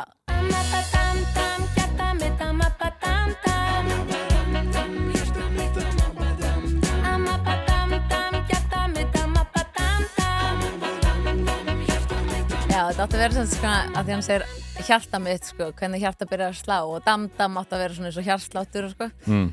en hérna Þetta er rosalega gott lag. Já, þetta er æðislegt lag, sko og var, var mjög vinsælt, sko. Mm. og hérna, Hvað segir þarna? Íbúmann? nei, This Woman Já, þetta er eins og hérna hún uh, Sister Nancy, já, bam bam. Bam bam já, þetta er svona pínur reffar í það dam-dam, sko. Þannig að við gert. urðum að halda þið með. Já, en þarna var kopparinn sem sagt en, En- núna get ég ekki heyrt hlustað á sko, ég hafnast ekki að þetta á við jazz nefnum að hugsa En voru það, það að taka það í, í rakkiútgáfi eða voru það að djassa þetta? Nei, við tjössum það sko Mm. mm. við vorum að taka lög eftir Jakob Fríman uh, tókum kveitibjörn og eitthvað svona og svo sömt, eh, sem sagt, Maggi samti þetta lag og með hann í huga sagt, í æj, æj, æj, kaplanum Mm. svo bara fannst okkur svo skemmtilegt að við gerum það bara þú veist, sjálf En uh, þarna er, eru þið náttúrulega vinsalasta hljómsveit landsins og, Mm. og þú svona orðin súperstjarnar og talar um salkaholics og allt það. sagði ég það Uh, þú sagði mér að ekkert, í, við vorum náttúrulega voru með annan út að sátt saman. Ég hef segið, já, það er svona mínir svona aðdæðandur væri Salkaholics Já. akkurat, náttúrulega Salka Sól Eifeld gæti verið alkohól drikkveld, Já, það er, það er nefnilega svolítið fyndið. En hvernig, hvernig var lífið sem einhvers súperstjarnar? uh, bara ekki sko. Já. Nei, sko um, Eins og kom þetta fram með, með hassið þá, þá þarftu rosalega mikið að passa þig að því þú ert mjög vinsal hjá yngri kynsluðinni. Já, sem að ég vonandi voru kannski ekkert að hlusta ráðstöð klokkan 11 á löðskoti, ég veit það ekki. En hérna, já, þú veist, ég var þú rosa mikil barnastjarna og, og er enn, sko og sérstaklega svo ég náttúrulega að leika Ronny Ræningadóttur og var ennþá mér barnastjarna, sko. En hérna, sko þetta var náttúrulega rosalega mikið breyting fyrir mig og fólki í kringum mig, sko bara eins og vinkun mínar, allt í henni var bara mjög skrítið að vera með mér í bænum, sko og eitthvað Mm. svona. En hérna, og raun ekkert svona sem undirbýr mann undir þetta en ég hef alltaf verið bara mjög svona róleg með þetta samt. Uh, ég man sko þegar ég, við vorum ekkert mann að leika í, hérna, þegar ég var að leika í leikriti í, í FB í mennskóla þá hérna voru að leika, leikriti sér diskoði dögt og ég var aðluturki á, á móti hérna strák sem heitir Attigauti sem var svo í svitabandinu algjörlega sent uh, sjátt þetta Attigauta og það var resa plakkat af okkur fyrir utan Östubæ og svo hætti sýningin og ég held að Östubæ eða eitthvað hafi farið á hausinn og plakkati var þarna í svona ár eftir á, eða tvö eða eitthvað og alltaf við kerum fram hjá og mamma eitthvað svona fannst það svo fyndi og ég var hætt að lunga hætt að taka eftir þessu og hún sagði, finnst þér ekkert fyndi að sjá þið svona upp á þessu húsi? Og ég var, nei, nei. Og þá sagði hún eitthvað svona, já, þú getur nú alveg verið í þessu bransi eða þú tekur þessu bara svona. Bara Mm. svona, ef þú ert bara svona róli yfir svona hlutum, skilju og ég held að það, ég hef alltaf verið það í gegnum þetta allt saman. Uh, svona þetta var náttúrulega rosalega spennandi og nýtt og mikið sko en það var aldrei stími til höfuðs eða einhvern veginn, svona, Þurftur þá ekki að vinna í því að því það er ekki droslega oft veist, þú slæri gegn sem úlingastjarnar og Mhm. allir krakkarnir þekkja þig en þú slæri gegn og allir þekkja þig á, á mjög skömmum tíma. Það var alveg skrítið sko. Já, og veist, þurftur, veist, þurftur ekki eitthvað að, svona, að staldra við og svona, hmm, Jú, en ég hefði kannski mátt gera meira því en ég fann það, ég átti með rosa aðdæðandur sko, svona mismunandi aðdæðandur bara í gegnum Rás 2 og svo í gegnum Ambadama og svo í gegnum, þú veist, leikhúsinn og í gegnum rappi líka, sko, þú veist, það var mikið með reykjagdætrum og eitthvað þannig að ég átti einhvern veginn úr öllum, öllum áttum og, og hérna, þú veist uh, ég á það alveg ennþá mm. þú veist, að, já, mína aðdæðandur sem eru rast tvö fólk og sjónvarpið og svona og, en hérna já, ég svo, þú veist, svo, svo var alltaf svona að byrja að fá, taka mynd og eitthvað og þetta, þetta var, þetta var mjög fljótt bara svona eitthvað eðlilegt fyrir mér ok, og aldrei trubla mig og, en ég, það kom svona pínu tímabil sko, svo þegar ég og Arnar byrjum saman, þá verðum við allt í norðið eitthvað bara svona eitthvað stjörnupar Já, Já. og það var alveg meira, sko.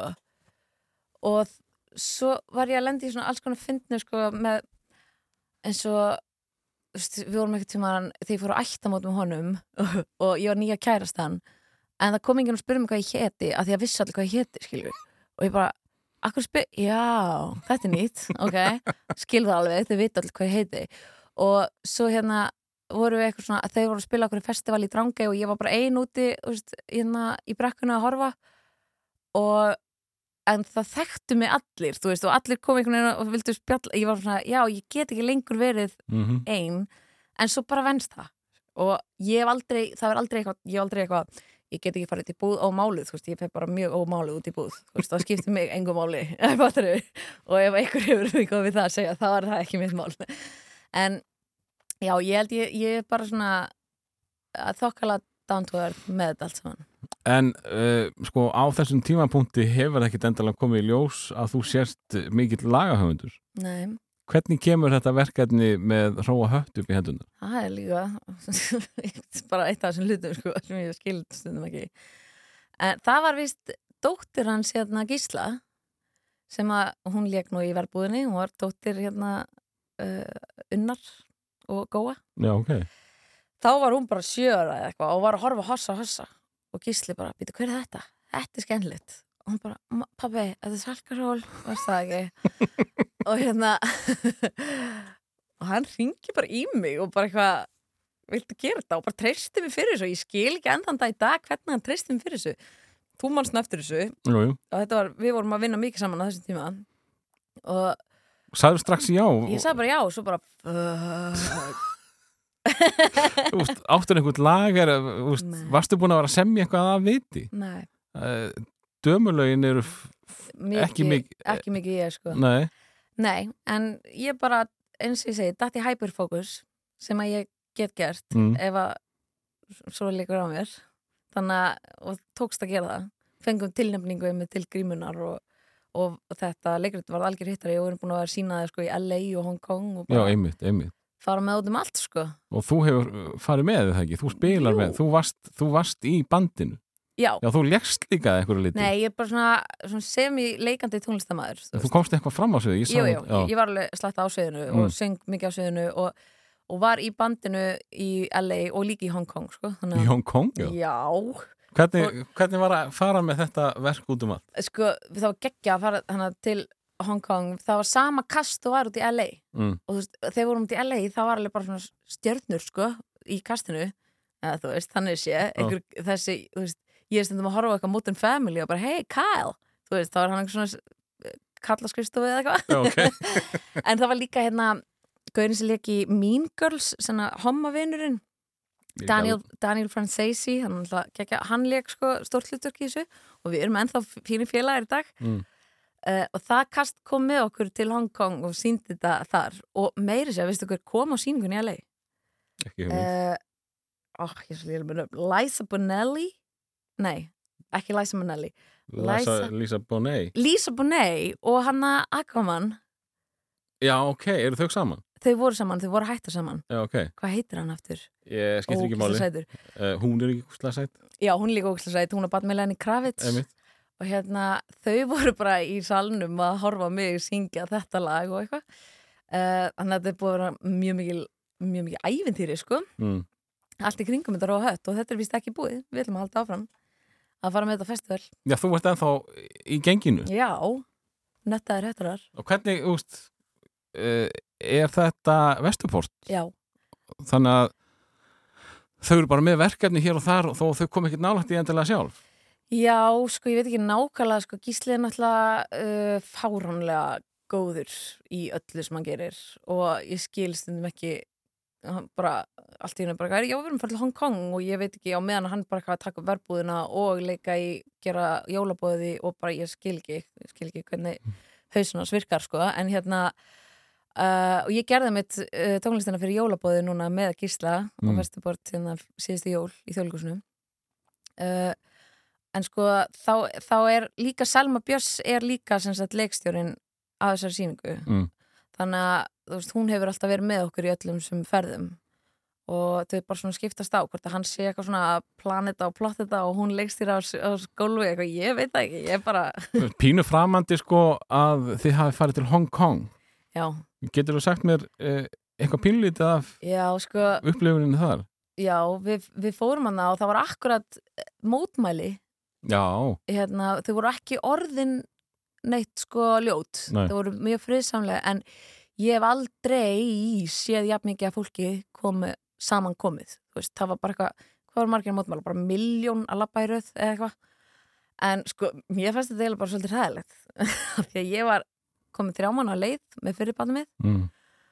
og ógeðslega næmt lyktaskinn og gæti ekki borða neitt sem var þarna og hérna, bara, fannst bara vond lykt allstaðar og borðaði bara McDonalds. Og hérna og svo var Arnar fór með okkur sko, hann, hann var skráður sem hérna hérna síðismadur Mm. hjá okkur. Og, en hann náði að fara að skoða og eitthvað, ég var aðalega bara að vinna og svo fór ég út og, og gat ekki, það var hérna five spices lyktin sem ég bara meika ekki og ég bara, Arnar getur að fara út í bú og kipt snakk og hann kom heim með Pringles með bræðunum five spices. Og ég fór gráta því að ég var náttúrulega ólétt skilju, og, og með, með, með svo næmt lyktaskinan með allstaðar vera lykt. Ertu það ekki mikið fyrir oriental uh, mat yfir jú, höfuð? jú, jú, en þú veist þetta, þetta er öðruvísi þú ert þarna. Og Mm. líka bara þegar, þú er, þegar lyktin er allstaðar alltaf lægur þetta að lappi gegnum veitingastæði eitthvað svona, þú veist, Það heitir út á götu þetta er allstað bara allstaðar. Já, og svo vorum við sko að fara að gifta okkur þrejum vikum eftir ég kom heim og ég var ekki með stanslu samanskjöld þegar ég var að borða McDonalds í allan mat skilju. það var eina syngat borða en þú veist þetta var mjög skemmtilegt sko og hérna og kasti frá LA kom öll til Hong Kong og var úkslega gaman mm. en þú veist við vorum svo fyndin þú, maður hafði ekkert mikið tíma maður var mikið að vinna, saman með LA og þú veist til dæmis eins og í LA þá hérna, þá vorum við semst í Beverly Hills að sína en vorum að æfa fyrstu fimm eða sex vikunar í Crenshaw sem að er uh, hverfi sem að Tupac ólst upp í og Mm. bara svona mjög svona bátækt hverfi og það var alveg ráðlegt sko, mjög ráðlegt að vera ekki að fara ein út af McDonalds sko, bara, ég bara, mér finnst McDonalds mjög gott hérna, það? já, en hérna uh, að því að það var bara, þetta var hættlegt hverfi Mm. og þú veist, ég man alveg eftir í þegar ég vorum ekkert að keira úr hverfinu, þá kom þá var ég svona gæðað mikið að fylgjast með öllu og það bara kemur einhver gæla bara bitch, what are you looking at? Eitthvað, þú veist, bara öskra á mig í gegnum bílinn og gæðin sem var að keira okkur var bara this is an eye forward neighborhood. Þetta var alveg hættulegt þetta var pínu svona downtown LA eitthvað hættulegt sko. Ok. En svo vorum við að sína í Beverly Hills það sem bara allir voru með sílikon og, og hérna og bara annar heimur sko. Og þetta var mögnu upplifun og þarna var ég alveg í tvo hálfa mánuð eða eitthvað, bjóð þannig Já, já. Bjóð í eitthvað svona kondói þar sem að sko Paris Hilton og Kim Kardashian hefur búið í þegar þær voru úlingar það var svona, þú veist, þá var það svona svona, hvað heitir þetta, heitir því kondó bara svona fullta íbúðum já, Já. svona já. íbúðum og svo sundluði miðinni, þú veist, sem ég eins og hótel nema þetta er svona litlar íbúður Melrose Place. Já, þetta er algjört Melrose Place. Og þær byggum við í svona flottistu, flottastu hotninu í þessu. Þannig að var, það var mjög mikið æventýri sko. uh, Ég er áttum að því að við erum búin að gleyma að taka úlingalæði Herði, já, ef við ekki, ekki henda því hérna inn snöggvast vegna þess að með datt allt í einu huga kíkja aðeins á spæskjælurnar já. Það var svolítið skemmtilegt gig. Hvað hérna, uh, þú ert búin að segja okkur frá því að þú varst í mjög uh, gömlu efni þegar þú varst úlingur uh -huh. uh, barnalægið er bítlalag hvert ætlum við að fara í úlingin Ég var reyndi eitthvað svona, það verður að vera dúars. Já, það verður, af því að það, það er bara ég að vera úlingur sko. Uh, ég held ég mynd ég langar að hlusta á Break On Through. Alright það var svona uppáhalds dúarslega mitt, Lendar Love Street var svona það sem kveikti ákvæðan en Break On Through, þá leið mér eins og alveg töffara sko. mér finnst það líka svo töff að það er bossa nova lag og svo rockin á milli. Já.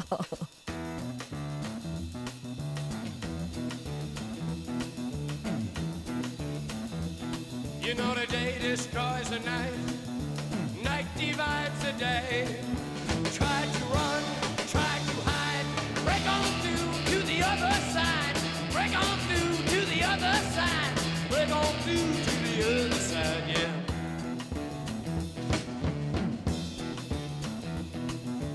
Chased our pleasures here, dug our treasures there. But can you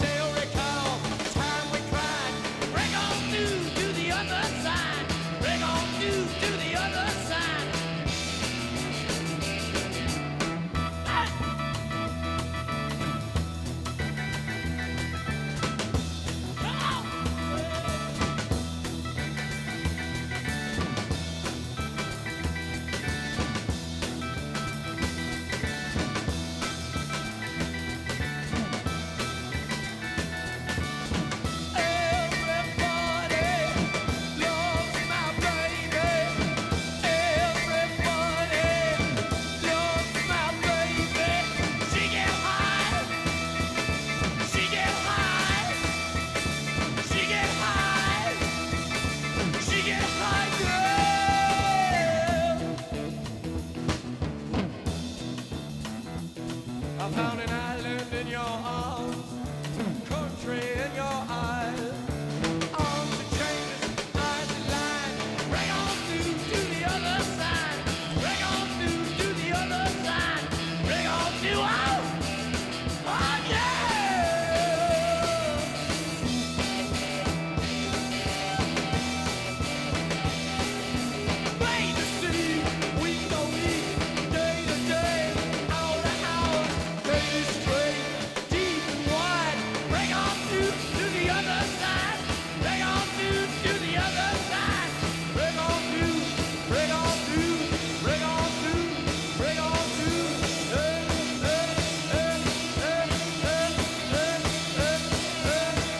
Þetta er hljómsveitin Doors og Break On Through og þetta var sem sagt únlingalag sörkunar en aðeins fyrr Já, þá uh, varstu spæskjala mhm, og uh, svo náður að upplifa þig sem alvöru spæskjala vá á sviði. Já, og bara með helstu dýfum landsins Mhm. með þér í liði.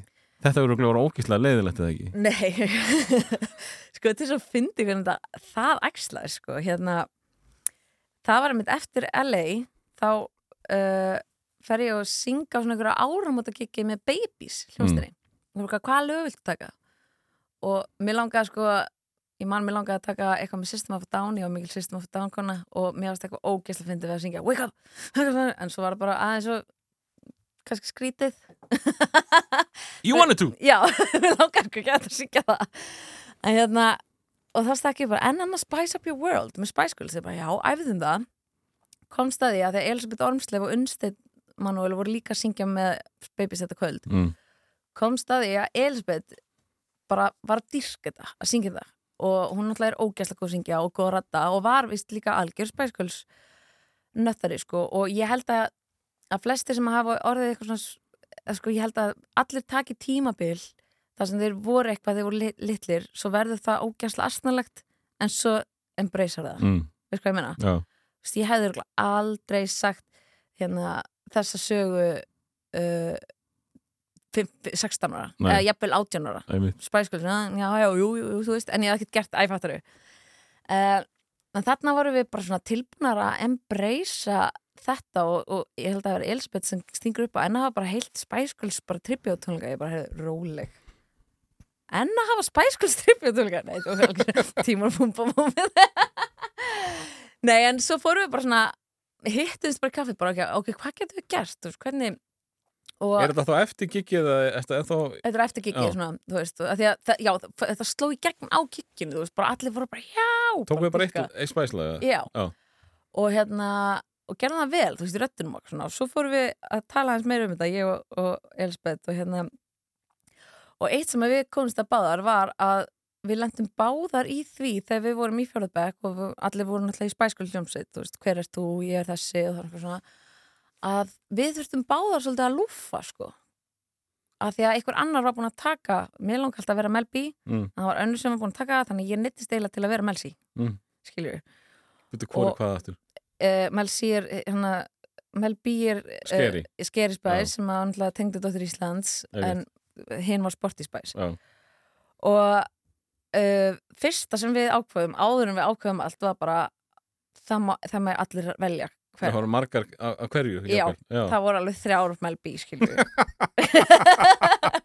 en það við urðum að hafa það af því að við vorum bara að gera þetta fyrir okkur og svo bara svona töluðum við við nokkra í kringum okkur og Reykjavík dætur voru þarna á fyrsta kvöldinu og svo vissi ég að Hugleikur Dagsson var algjör spæskulsatandi þannig að hann var kynnir og fengum sko alveg styrk frá eh, Dominus og Símonum og það átti bara að vera svona eitt kvöld Mm. og það var smekk uppselt og við Var vorum allir líka það? var húra Já. og hérna og þetta var algjört bara success og þannig að við ákveðum að gera þetta aftur ákveðum að fara með þetta á norður erum búin að fara tvis á norður, búin að gera þetta þrísvar í bænum og uh, svo bara hringdi síminn og vildi bóka okkur ársáttíðir þannig að allt í henni var ég komin í spæskulsljómsveit. Og allt í henni var það orðið bara mín aðal tekjulind að syngja spæskuls Já, með alvörunni? sko, veist, við vorum ángríms bókaðar ásatíður bara þrjár ásatíður á kvöldi, bara allar helgar hana, þetta ár. Þanga til að, og veist ég sagði bara, herðu, er þetta ekki komið gott? En það, þú veist, svona virkar samt svolítið þessi bransi, maður bara finna sér eitthvað að gera Nákvæmlega. og svo bara var þetta eitthvað sem átti bara að verða svona einu sinni og vera ekki gaman hjá okkur en bara svo bara geða eitt skemmtilegt og við Þeim gerðum þetta ekki gleyma því sko að þið voru að upplifa ykkar draum. já, Hvað með allar hina gælunar Við nefnilega sem að vilju, vilja sjá spæskuls? við fættum þannig sko Mm. og það var eitthvað svona, þetta var eitthvað svo góð tímapunktur sko því að það var eitthvað 20 ár síðan að fyrsta platan kom út eða eitthvað og margi voru eitthvað svona reminissa það er nýbúið að sína spæskulsmyndina í Bíóparadís og margi voru svona byrjaðar eitthvað svona að rifja upp þessa tíma Mm. tískan á þessum tíma er komin í ring og var byrjað veginn að koma aftur þú veist, bara fyrir fyrsta gigi þá var mjög erfitt að leita eitthvað hlébarðarmynstur ég fann einhvern veginn ekki, svo bara strax eftir gig fyrir næsta gig þá bara var komið hlébarðarmynstur út um allt þú veist, þannig að það var mjög svona að fyndi Hverjar voru þetta? Eh, Þegar þið voruð, svo tókum við þetta lengra sko því að hérna, Brynja Skjaldar sem að er stílisti, hún Mm. kom að fyrsta gigi og bara, mér langar stílisera þær þannig að fyrir næsta þá eru allar konar í búninga sko. og þetta var, þetta var ég, Elisabeth Ormslef Stefania Svavars, svo Karitas með okkur tímbili, Karó sönguna og Blær sko, hérna átti fyrst bara að vera Victoria á kantinum og búið, gera pósur og bara, mm, og þú veist, að því að vissi allir að Victoria geti ekki sungið. En svo er Blær bara mjög flink að syngja þannig að hún enda að vera bara partur af hljómsveitinni. Ok, þannig að það var eitthvað svona já, það átti fyrst að vera eitthvað grín hún átti ekki eins og vera með mikrofón hún átti bara að vera endanum. Svo, þú veist, einu sinni voru við bókar ásatíð í lögatarsöll og Blær komst ekki, þannig að ég setti bara söguleg vingunum mína í, í Victoria búning og hún var bara endanum að pósa en, að- en, en hérna, uh, það vantar, þið eru hvað, fimm eða eitthvað Já. þrjár skerís, þá vantarlega, vantaði baby og, við endum svo á því að eh, ég lúfaði og varð baby á Nú, tímabili fyrir ásatíðnar, þá gerðum við þetta proper, Ah, ok, sko, ok. já, en fyrir hann kvöldin og hurra þegar þetta var bara svona jam sko, þá, Mm. þá mátti maður bara vera hver sem maður vildi ok, ok. þannig að, Þetta, veist, þetta, er, þetta er mjög skemmtileg og, og astnaleg saga já að svona pínuflip verði bara tekjulund í, í árið eitthvað. það er bara nákvæmlega þannig, sama með prjónið ég fór bara prjóna og selja uppskriftir og það var alltaf bara aðal tekilindum mín í smá tíma Hvernig kom það til? Að því, jú, ok, þú ert nafn en Mhm. þú varst ekkit best að prjóna. Nei, ég byrjaði bara að prjóna, ég var ólétt á unnu, dóttur minni Mm. og það, ég er alltaf að komast það svo meira og meira. Þegar ég fæ hann hyperfókus þá get ég gert allt, bara ef ég ætla að gera eitthvað, en þessi hyperfókus endist mjög stuttan tíma hjá mér Já, stundum. ok. og stundum næja honum bara ekkert upp aftur skilur, bara svona fyrir eitthvað, eins og núna er ég með hyperfókus á að hekla og ég er ekki búin að prjóna sinni ég byrjaði að hekla. Hvað eru. En ég er samt búin að gefa prjónabók og, og hérna ég byrja bara að prjóna og kynnist sjöfn sem að er að búi til prjónuppskriftir og við byrjum bara að drita þeim út sko og gerum það akkurat þegar COVID byrjaði. Þannig að það var allt í hennu vinsælt sko, eða þú veist, það fór allir að prjóna og, og ég hafði ekki trúið hvað maður getur fengið upp úr það að selja uppskriftur á netinu sko, það var alveg fín, fínasti peningur. En, en eh, við vorum í, í leikústólist Já, og það er mjög sjaldan sem að, að leikústólist verður vinsal í útarpi og þetta er ekki vennulegt pop sem þú varst að búa til. Nei, eh, að vísu var daman með þarna ganga eftir þér sem að var hörskusmellun en það var líka bara ekta pop já, en þarna á annan stað já. þetta er ekkit vola vennulegt pop en þetta var, það var vinsælt sko það var mjög vinsæl Já, það er alveg, þú veist, uh, ég veit að marg, eða svona söngskólar krakkar eru mikið að syngja þetta í söngskólum. Mm. þetta hefur verið í söngjan framhólskólana og svo veit ég líka að klarnetu kennarar hafa notað þetta lag svolítið til að kenna fólki litlu krakkum á klarnet af því að ég spila? Já,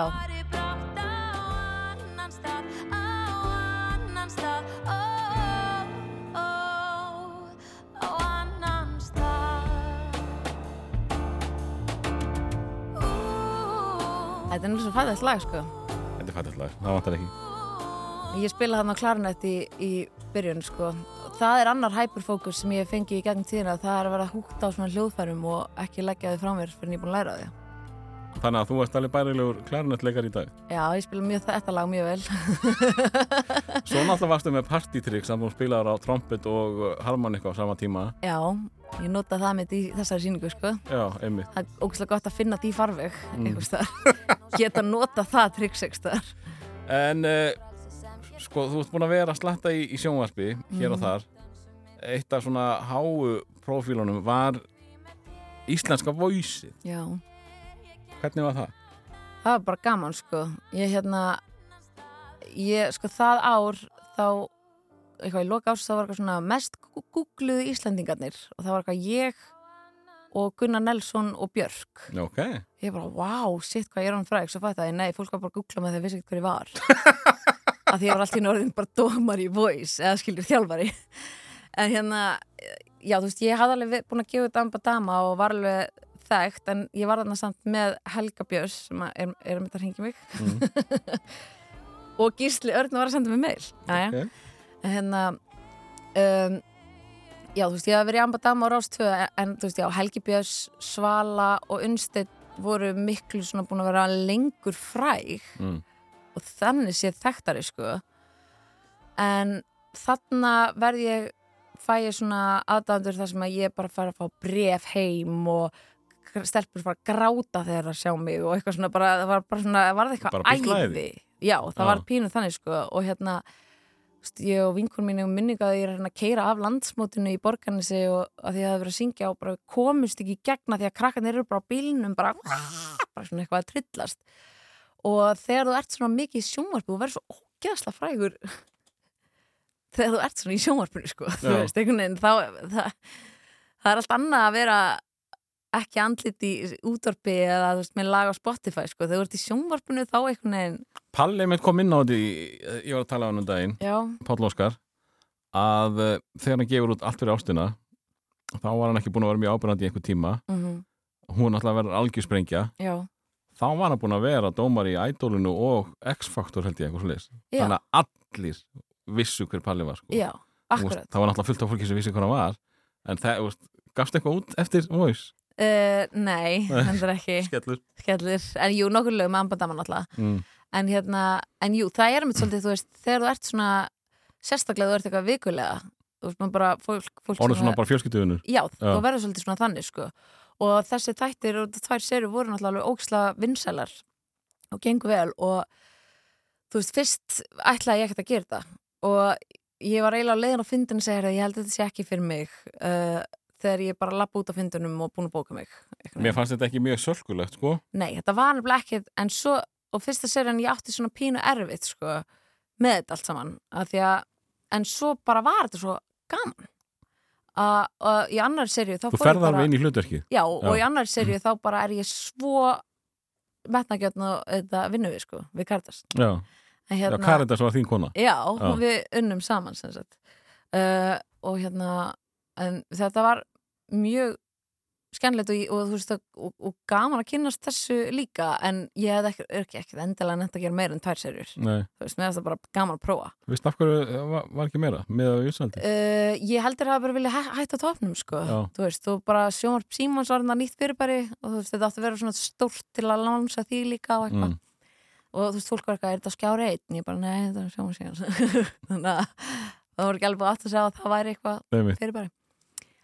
sjónvarp og hérna eftir, já það var alveg tímbilað sem að sko voice og var að já ég var, sérst, var í voice og var á öllum strætóskilum eitthvað auðvitað svo voice og svo var ég í bó sama ár þannig að á öðru hverju strætóskili var ég í bó og hinu voice þú veist þetta var rosalegt bara En er það ekki óþægilegt? Er, er, getur maður ekki verið ofþektur? Er ekki, Jú, veist, er ekki óþægilegt að geta tekið rúndin á þess að sjá andlitið á þér á öllum skílum? með, sko mér fannst ekki þá veist ég er ekkert eitthvað að glápa á það.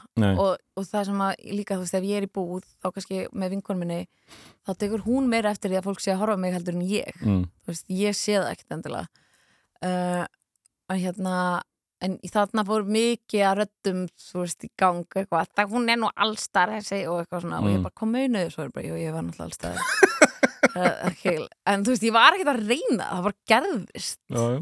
og ná, mér varst bara óslega ósakend að fólk var að segja það, ég bara er að vinna vinna mína eða eitthvað en jú, ég var náttúrulega svolítið allstæðar en líka kannski bara að því að ég var ný, eða Mm. þú veist það gerðist svo rætt Ertu jákona? Segjur mikið já? ég var það, Já. ég var rosalega jákvæmna sko, en ég er fann að segja miklu vera nei núna en þú veist, ég get líka verið selektífari bara á það sem ég uh, já, ég er bara komin á þann stað sem Mm. er úslan gaman. En, en núna hefur valla gert mikið í tvö ár en nú er alltaf opnast aftur. Uh, jú, ég er búin að gera helling í tvö ár Nú, hvað mín. búin að vera að gera? Ég er búin að leika bíómynd Ég er búin að, ég leik í Byrta Já, sem er ekki búið að sína það? Jú, Ok, ég er svona vel já, þú ert svona rosa vel að þér Nei, ég leik í bíómynd hérna var Jú, sýnd jú, jú, hérna, um, um, hérna, það sem um mamman Já, Já. svo gaf ég út prjónabók og sem var varð gullbók meðtölu, meðtölubók og svo uh, er ég náttúrulega búin að vera mikið í heimahelga í Mm. því Ég er búin að vera í útvarpinu og, og um, hvað meira? En svona gigvæs, það er ekki mikið það Nei, ég er náttúrulega ekki búin að vera að gigga mikið, þú veist, þú opnaðist eitthvað gluggi að fyrir brúðkaupum sumar og eitthvað svona, en þú veist, það er langt síðan maður hefur verið á eitthvað svona stóru sviði að syngja fyrir áhörundur, sko. Ertu til í það núna? já, já, alveg mega, sko, og hérna, og ég var alltaf með eitthvað svona smá plana eignast tvö börn með stuttu millibili og nú er ég búin að því og ætla ekkert að gera meira að því, ekki eins og mér líður allavega í dag. Mm. Þannig að nú fer eitthvað, ég veit ekki hvað gerist næst, en, en það fer eitthvað nýr hyperfókus í gang, held ég. Eh, hefur þið aldrei langað að, að, að káfa útlöndum? Mm, nei, Nei. ég held nefnilega að mér hafi ekkert langa um, Það var svona hára rættur um það um tímabili ég ætti nú eitthvað að prófa það og gera það og svona, en ég, mér, sko, ég hef alltaf passað mig af því að setja ekki öll leggin í sömu körfuna Mm. og eitthvað svona tilhugsun um það að þurfa að fara að fókusa á eitthvað útlanda eitthvað risa, það bara hendar ekki mér, þú veist, ég veit að ég myndi kannski fá hyperfókusin í smá stundar sem myndi að hverja, sko en ég er kannski bara heppin með það að geta unni við þetta einmitt af því að ég seti ekki ekki öll í sömukörfu ég get far, stokki í talsetningar og útvarp og leikið og í sjónvarp og svona. Og núna Subway og og alls konar sko.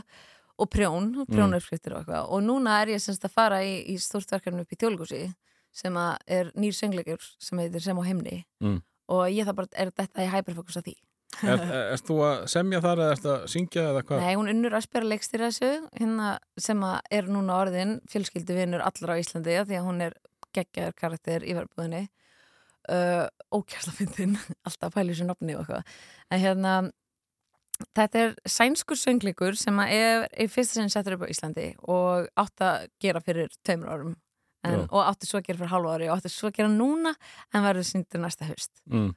Þannig að ég er, að fara, er í fæðingarálega núna og ætla svo að fara í það.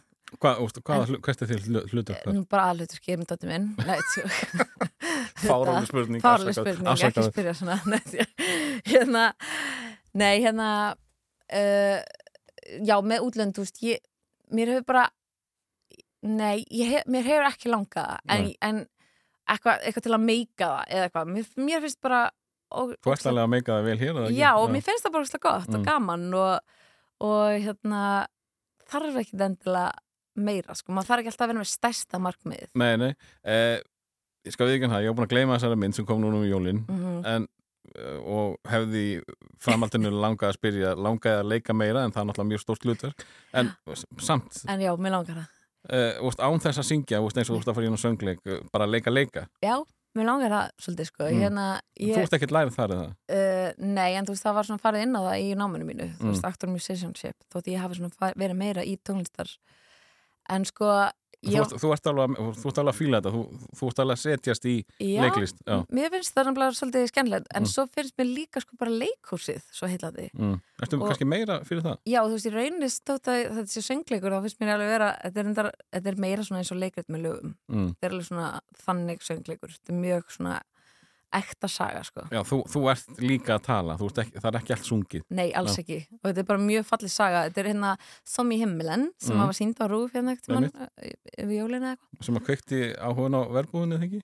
Já, var það? Ég held það, ég held að hugmyndina verbúð hafi komið út af þessum þáttum Já, einmitt Hérna, það er enda bíómynd Som í himmelen Já, ok, það var, þá veistu kannski ekki hvað er að tala um nei, ég veit mjög sjaldan hvað ég er að tala um. En hérna geta alveg, eh, svo sem, en hérna uh, Já, sko, leikursvinnan henda mér svo vel af því að það er þessi kannski áttavikna fókus og svo, svo kemur sprenging með frumsýningu og svo getur þú fara að fókusa á annað mm. En þú þarf samt að halda áfram í því Já, það er ekkert mál, sko Er það ekkert mál? Nei, nei, Er það nei. bara autopilot? Já, eða þú veist, já, eins og bara með Ronju við síndum hundra sýningar og Hvað náðu þú mörgum? Varst ekki, varst ekki ólétt í miðri törn? nei, ég var ólétt nema bara síðustu sjö sýningarnar eða Nú, eitthvað ok, ok. þannig að það var eitthvað að búa lítið eftir ég hætti en, hérna, en ég var ólétt samt mjög lengi sem Ronja sko. Mm. ég var alveg og halvan mánu leið þegar ég var ennþá Hún var að fara að fitna hún var aðeins svona fitna sko. var sérstaklega hlið allir með saman brandan eitthvað hvað hva þú og Birkir að gera skóinum eitthvað Ljósan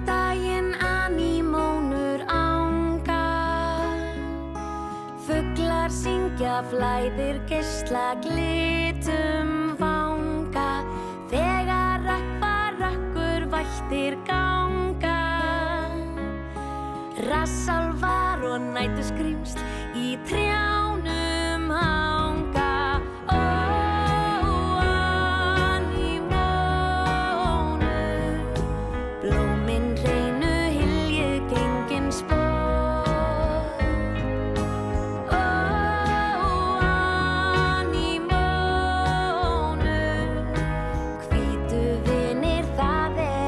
komið vor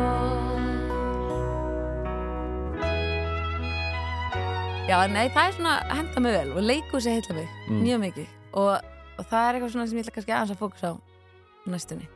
Eh, Þú segja þetta bara fínt Það er náttúrulega að spjalla endalist. Ég veit það og uh, nú er eiginlega komin á þann tíma að við erum bara að spjalla, við erum ekki að fara í ykkur sögu eða eitthvað mitt. En uh, ég var til að fá þig til að velja lag með sjálfur þér Mm -hmm, uh, Hvort að þú semjið það eða syngið það mér er nokk sama og þá er ég ekki að byggja um að gera eitthvað milli, upp á milli barnana bara hvað langar að heyra núna Ég sko, ég, mér langar að heyra núna og ég er að gera upp á milli barnana mína. Mm. Mm. Hérna, uh, nei, þetta er uppáhalds ambatamalagið mitt. Það er Eldorado. Já, Það er bara, þið gáðu það aldrei út sem singul Nei. svona? en það varð mjög vinsælt bara svona uh, á götunni. Já, og þið það líka síðan live í, í virkum mótnum þú upptaka manst. fekk að hún fekk nefnilega að heyrast sko. og hérna, já þú mannst það einmitt, en það, mér er alltaf þótt svo ógislega væntum þetta lag og textin er svo fallegur og, og ég sé alltaf pínu eftir í að það hafi ekki komið út sem singull þannig að ég vil nýta tækifæru og láta það heyrast hérna mm. Í útdorfinu Þetta er podcastið, þetta er ekki út af Nei, podcastinu, podcastinu. Herðu, takk kærlega fyrir að, uh, röfla hérna við mig og uh, bara, hvernig ætlar þú að koma aftur í útar? Eftir páska, Eftir páska? já þið er búin að gefa brjóst. Glæsilegt, takk kærlega fyrir. Bæjó